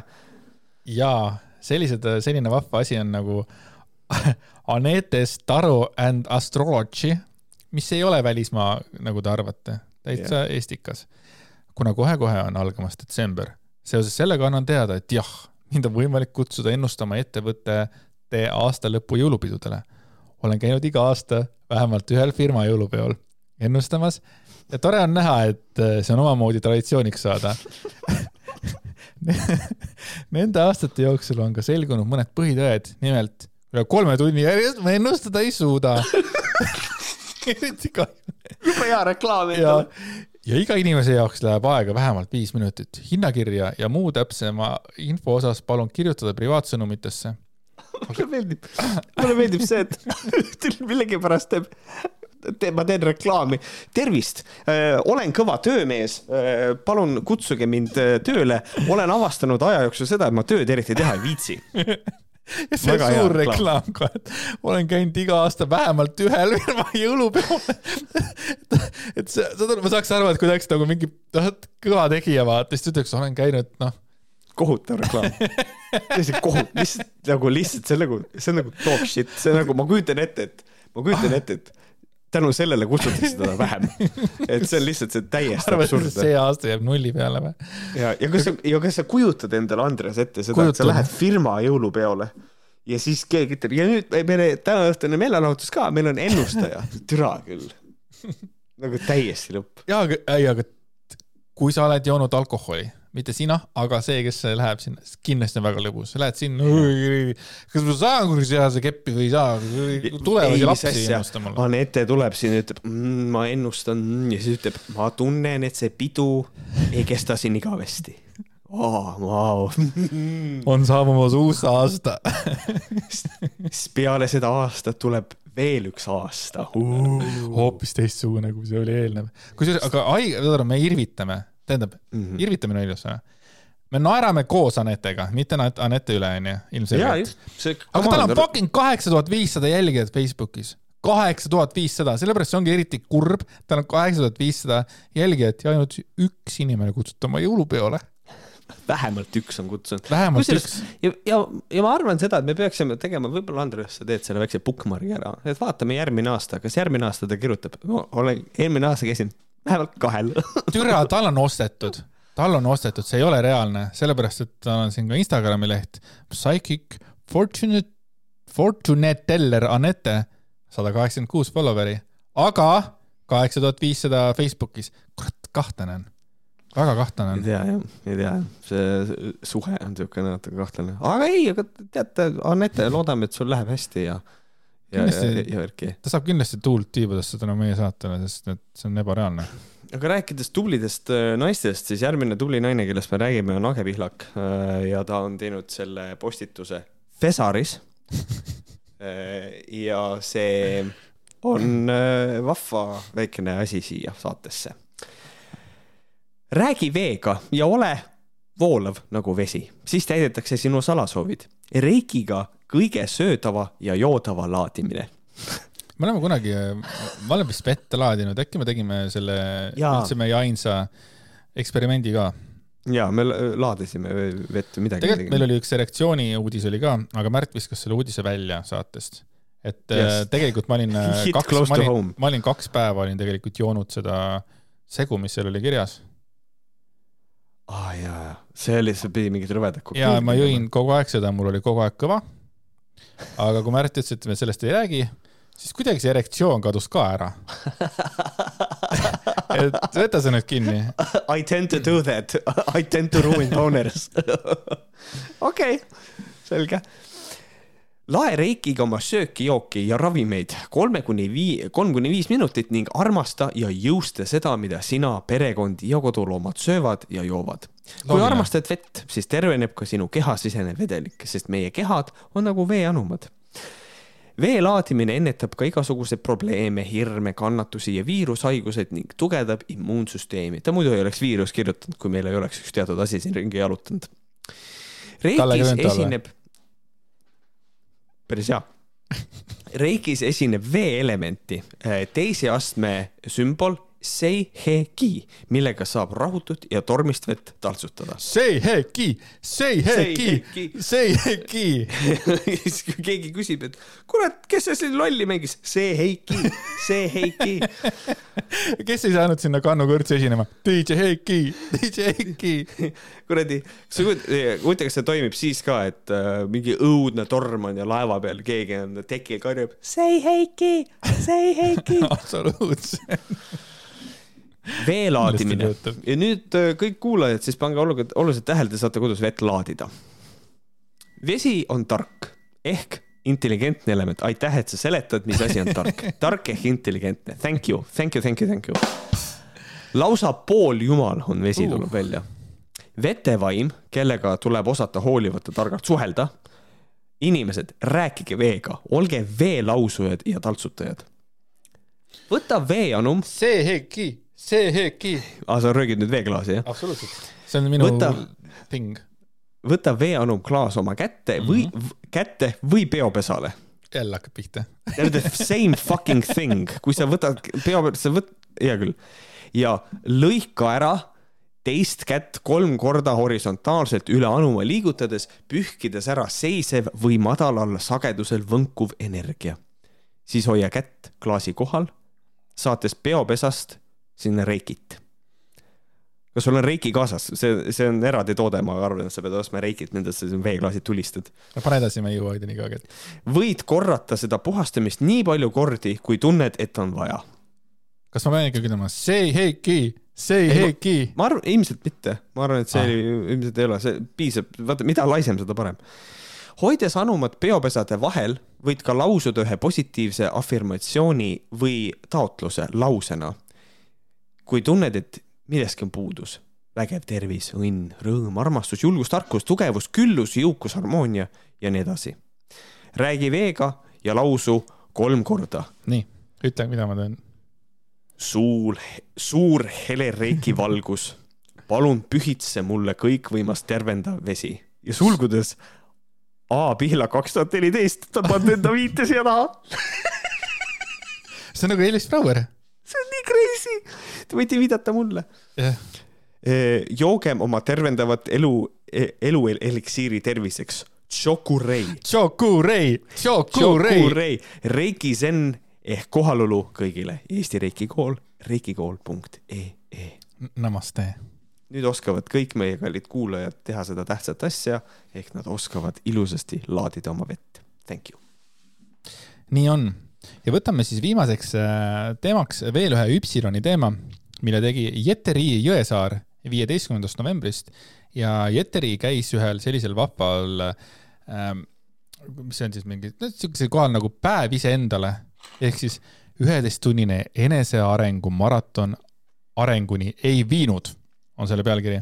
ja siis ta räägib sellest, et mis seal nagu toimus täpselt ja ma võtsin nagu põnevamad äh, inimesed siia nagu ka punti mm. -hmm. näiteks algab esimene teemaplokk, minu suhe iseendaga.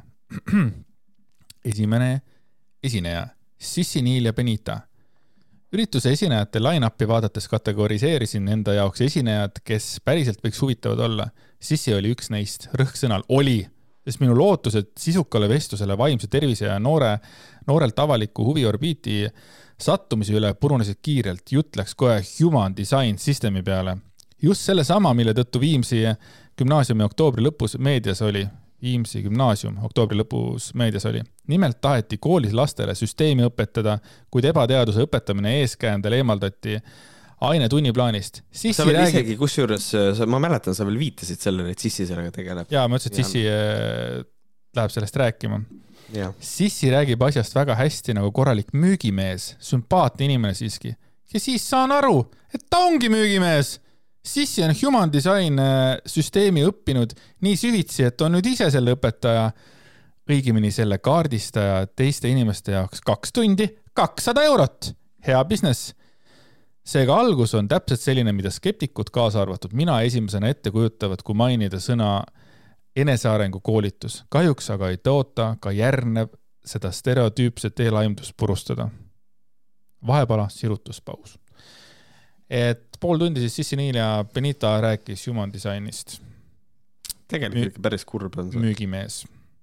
väga kurb Jah. on, sellepärast et see päev iseendale või mis iganes asja selle nimi oligi, siis tulebki välja, et siin noh, ta pole ainus. et, et keegi ei räägi sellest asjast lihtsalt nagu noh, kui mingisugune, ma ei tea, kõik on müügimehed. teine Mhm. esi-, teine esineja, Dali, kurat! Tali kurat!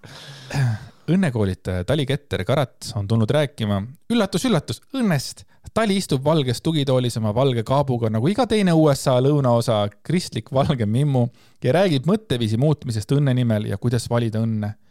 see vestlus on ka päris igav. kas ma tõesti kaotan juba huvi? Tali räägib, et kui uudiste lugemine tekitab sinus negatiivsust, siis ära lihtsalt loe sarnaseid soovitusi näen ja kuulen palju viimasel ajal ja ma lihtsalt ei saa nõustuda. kindlasti mängib siin rolli mu enda erialavalik, aga ma lihtsalt ei suuda mõista inimesi, kelle huvi maailma vastu on nii väike, et nad on võimelised seda ignoreerima. Inga Lunge, kes on, oli seal üks nendest intervjueerijatest, küsib siis Talilt, mida ta õppinud on. astro, antrosotsioloogiat vastab Tali ja lisab, et magistratuuris õppis ajakirjandust ja kommunikatsiooni. huvitav ja nüüd soovitab negatiivse vältimiseks uudiseid mitte lugeda. huvitav. kuidas, mind väga kummat-, kummastab see astroantosotsioloogia nagu, kui see vastus päriselt selline oli, siis huvitav, miks? et kas ta valetab või nagu mis asi see on, et äh, ma ei tea, huvitav. noh, see vastus nagu, ma tahaks teada ühesõnaga seda asja.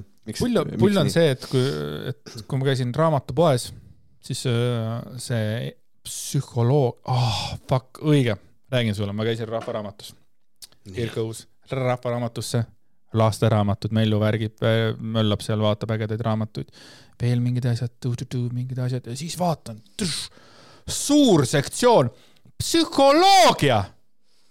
ja mida Ja ma näen on- psühholoogias? Ants fucking rootslane ja kõik ülejäänud need ja täiesti putsis on see see on nagu ebareaalne sitt, et kas nad üldse tohivad seda niimoodi äh, nagu sinna panna, kas see on nagu okei okay, või? ma arvan, et Äh, tohivad äkki, ma ma ei tea no selles mõttes moraalselt minu arust täiesti väärakas, aga, aga, aga nad tohivad seda teha küll. ja seal on ja see on nii palju on seda sitta, seda eneseabi äh, sitta, vaata. noh, muidugi noh, ja siis äh,, siis ma nägin seal ka Ta- Dali, kurat, on ka uue raamatu välja lasknud, kui ma ei eksi, siis äh, mäletan, ma kunagi ütlesin seda, et Ants Rootslane vaata ütles Kris Kalale, et oo, see on mul viimane podcast, mida ma üldse teen, et oo, ma hakkan nüüd palju vähem olema, siis ta oli järgmine päev oli seal podcast'is, siis seal, seal, seal, seal, seal, seal, seal, seal ja nüüd ta on jälle igal pool. huvitav, miks ta küll on igal pool? sellepärast, et. Ants Rootslasel tuli välja uus äpp. nüüd ta on jälle eriti nagu äh, hakanud jälle reklaamima ennast. aga noh, Ants Rootslane on selles mõttes kõva vend, et äh, ta ütles välja, et äh, noh, et tema ei hakka seda selleks jõuludeks raamatut kirjutama, vaata. ta laseb mm. -hmm. teistel ka vaata nagu müüa. et tema laseb siis välja, kui tema laseb, et äh, noh, et siis nagu Aa.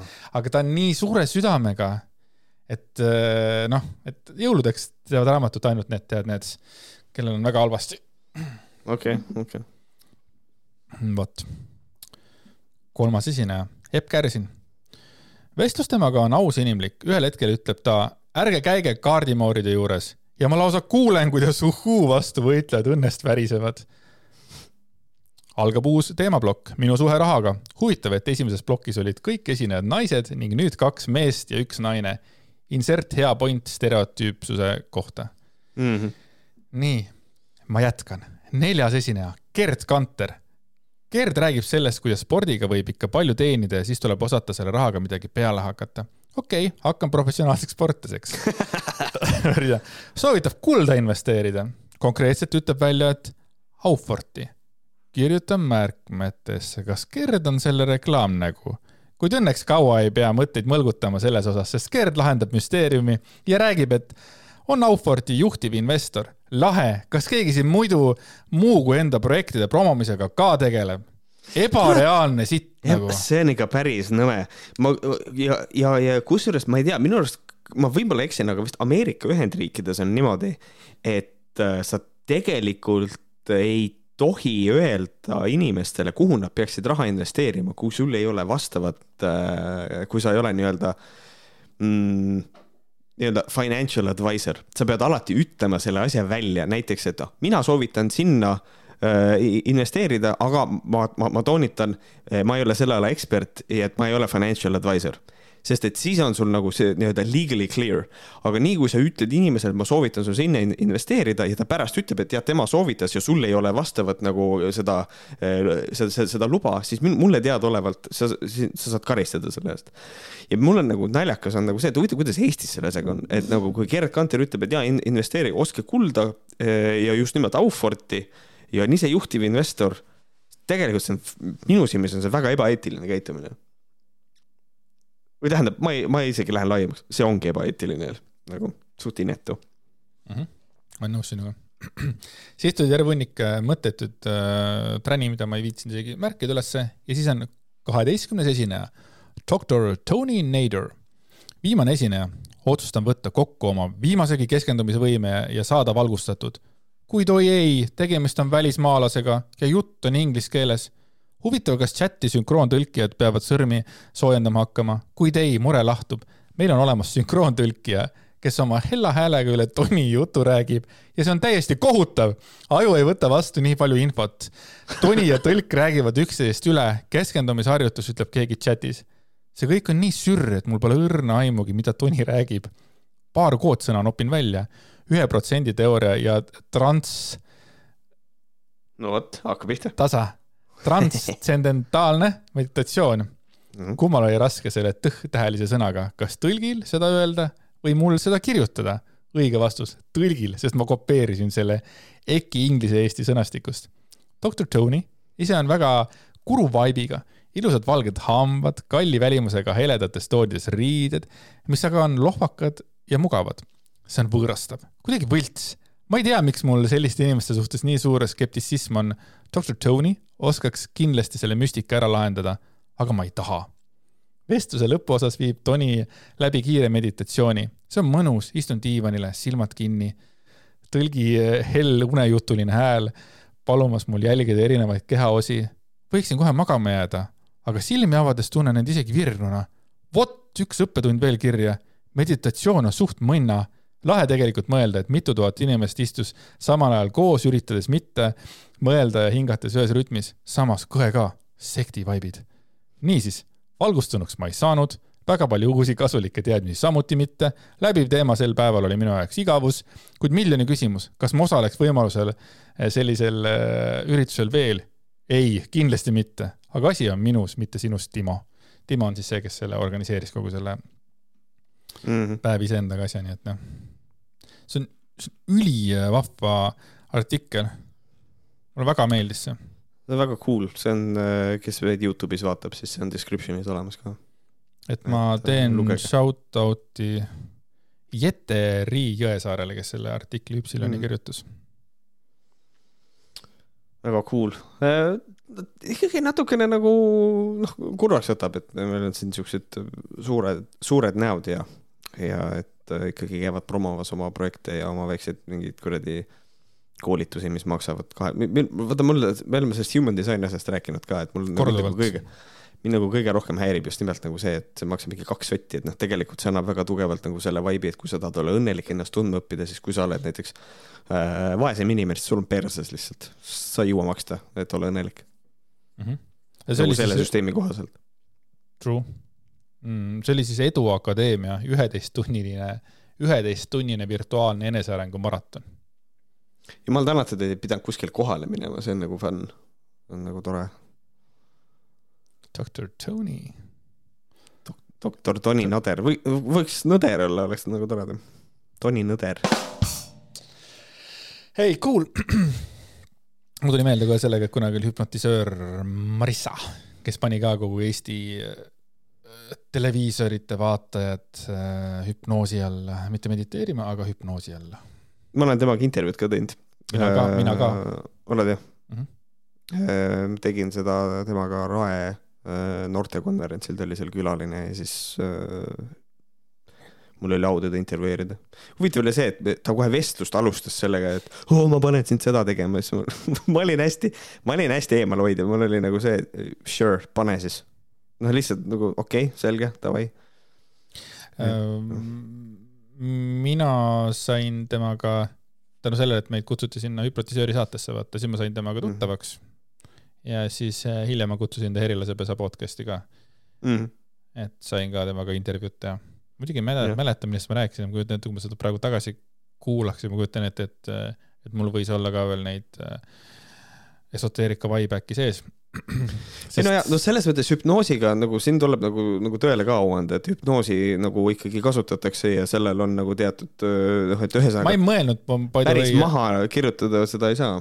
ma ei mõelnud hüpnotise, hüpnoosi esoteerika, vaid ma, ma mäletan midagi, et see, see jutu ajamine oli nagu natuke esoteerilisem võib-olla ah,. Okay. ja ma olin nagu, ma olen varem ka seda öelnud, ma olin varem sellel palju rohkem vastuvõtlikum, et äh, mingi viisteist aastat tagasi või niimoodi, siis ma olin sellele väga vastuvõtlik, onju, ja, ja kümme mm -hmm. aastat tagasi või kuna ma käisin selle äh, kus see, kus see veesooned, vaata seal, see tolle nii, niimoodi nõia juures ja nii edasi, onju, et et noh, mida aeg edasi, seda rohkem nagu see ongi huvitav, vaata, et nad öeldavad, nad ütlevad, et inimesed on nüüd valgustatud mina nagu mm -hmm. tunnen vastupidi, et kui sa sinna auku nagu lähed, siis sa nagu vastupidi, sa nagu sulged ennast sellega, et, et, et mida vähem sa sellesse usud, sa rohkem valgustatud sa oled ja sa küsidki küsimusi. nagu, nagu tsiteerides siin vanu, vanu häid uh, uhhuusid iseendaid, vaata, et me ainult küsime yeah. küsimusi, onju. ei, aga, aga minul on lihtsalt see, et sa võid valgustatud olla, sa võid olla hästi valgustatud ruumis, aga ruum võiks vähemalt nagu suur ka olla, aga te olete väga väikses ruumis seal nagu. väga väikses, nagu üliväikses, noh mm. -hmm. see on nagu meie stuudiod siin põhimõtteliselt. jah, jah, meil on, aga meil on, vaata, meil on, meil on kaks stuudiot, sinu ja minu oma, siis need on nagu. ma arvan, me oleme kõige rikkamad podcaster'id selle koha pealt ka, et meil on kaks pulti ka, onju, et noh. ja, ja just, just, just.. et tead sa veel mõnda podcast'i, kus tehakse kahe puldiga või ibe ka, miks me saame kiita selle hea heli eest, vaata. ja, ja just, just, just, just vot, aga selline oli meie selle aasta viimane tavaline see nii-öelda nagu, nagu me nimetame tavasaade, meie tavaline, tavaline Võhkerite saade. aitäh äh, selle, selle aasta eest, eks, eks proovime järgmise aasta sama tublid olla äh, kui te ei ole meie patroon veel ja kui te sellest ka ei saa, siis kohtume uuel aastal. Äh, seda siis kolmandal jaanuaril kell kaheksateist null null, kui meil on esimene selline laivsaade, mida me teeme, äh, mitte siis see, et me oleme ise nagu laivis kohal nagu Vapa raadiol, vaid äh, lihtsalt äh, oleme internetis laivis, juhuu, kus me anname välja siis aastavõhad. aga kui te olete meie patroon, siis kohtume detsembris veel kaks korda. ja patroonidega me kohtume juba, äkki oli järgmine nädal või? vist küll, jah. sest et nüüd küll. me oleme juba professionaalid ja me ei mäleta täpselt, mis nädalat me kirja panime endale. aga kui te olete Patreonis, niikuinii teil on telefonis äpp olemas ja niikuinii see annab teile notification'i, nii et äh.... True, välja arvatud siis, kui teil on notification'id peal ja üks huvitav asi, mis mitte kedagi ei koti, on see, et äh, mul on, mul on peal kolm notification'it. üks on see, kui tuleb Gmail mm. -hmm. teine on see, kui tuleb Messenger mm. -hmm. ja kolmas on see, kui keegi kommenteerib Patreonis ja ma ei ole seda peale pannud, aga ta kuidagi ise, ta kuidagi ise mm, -hmm. ise, ise toimib niimoodi, ma noh, ostsin endale yeah. uue telefoni mingil põhjusel see tuleb läbi. okei okay,, okei okay. minul on, äh, kui notification itest rääkida, siis minul on niimoodi, et mul tuleb noh, kalender otse loomulikult. kalender tuleb, siis tuleb Messenger, Gmail, of course, kõik nagu need tähtsad asjad. aga ma olen teinud niimoodi, Instagrami sõnumid tulevad läbi.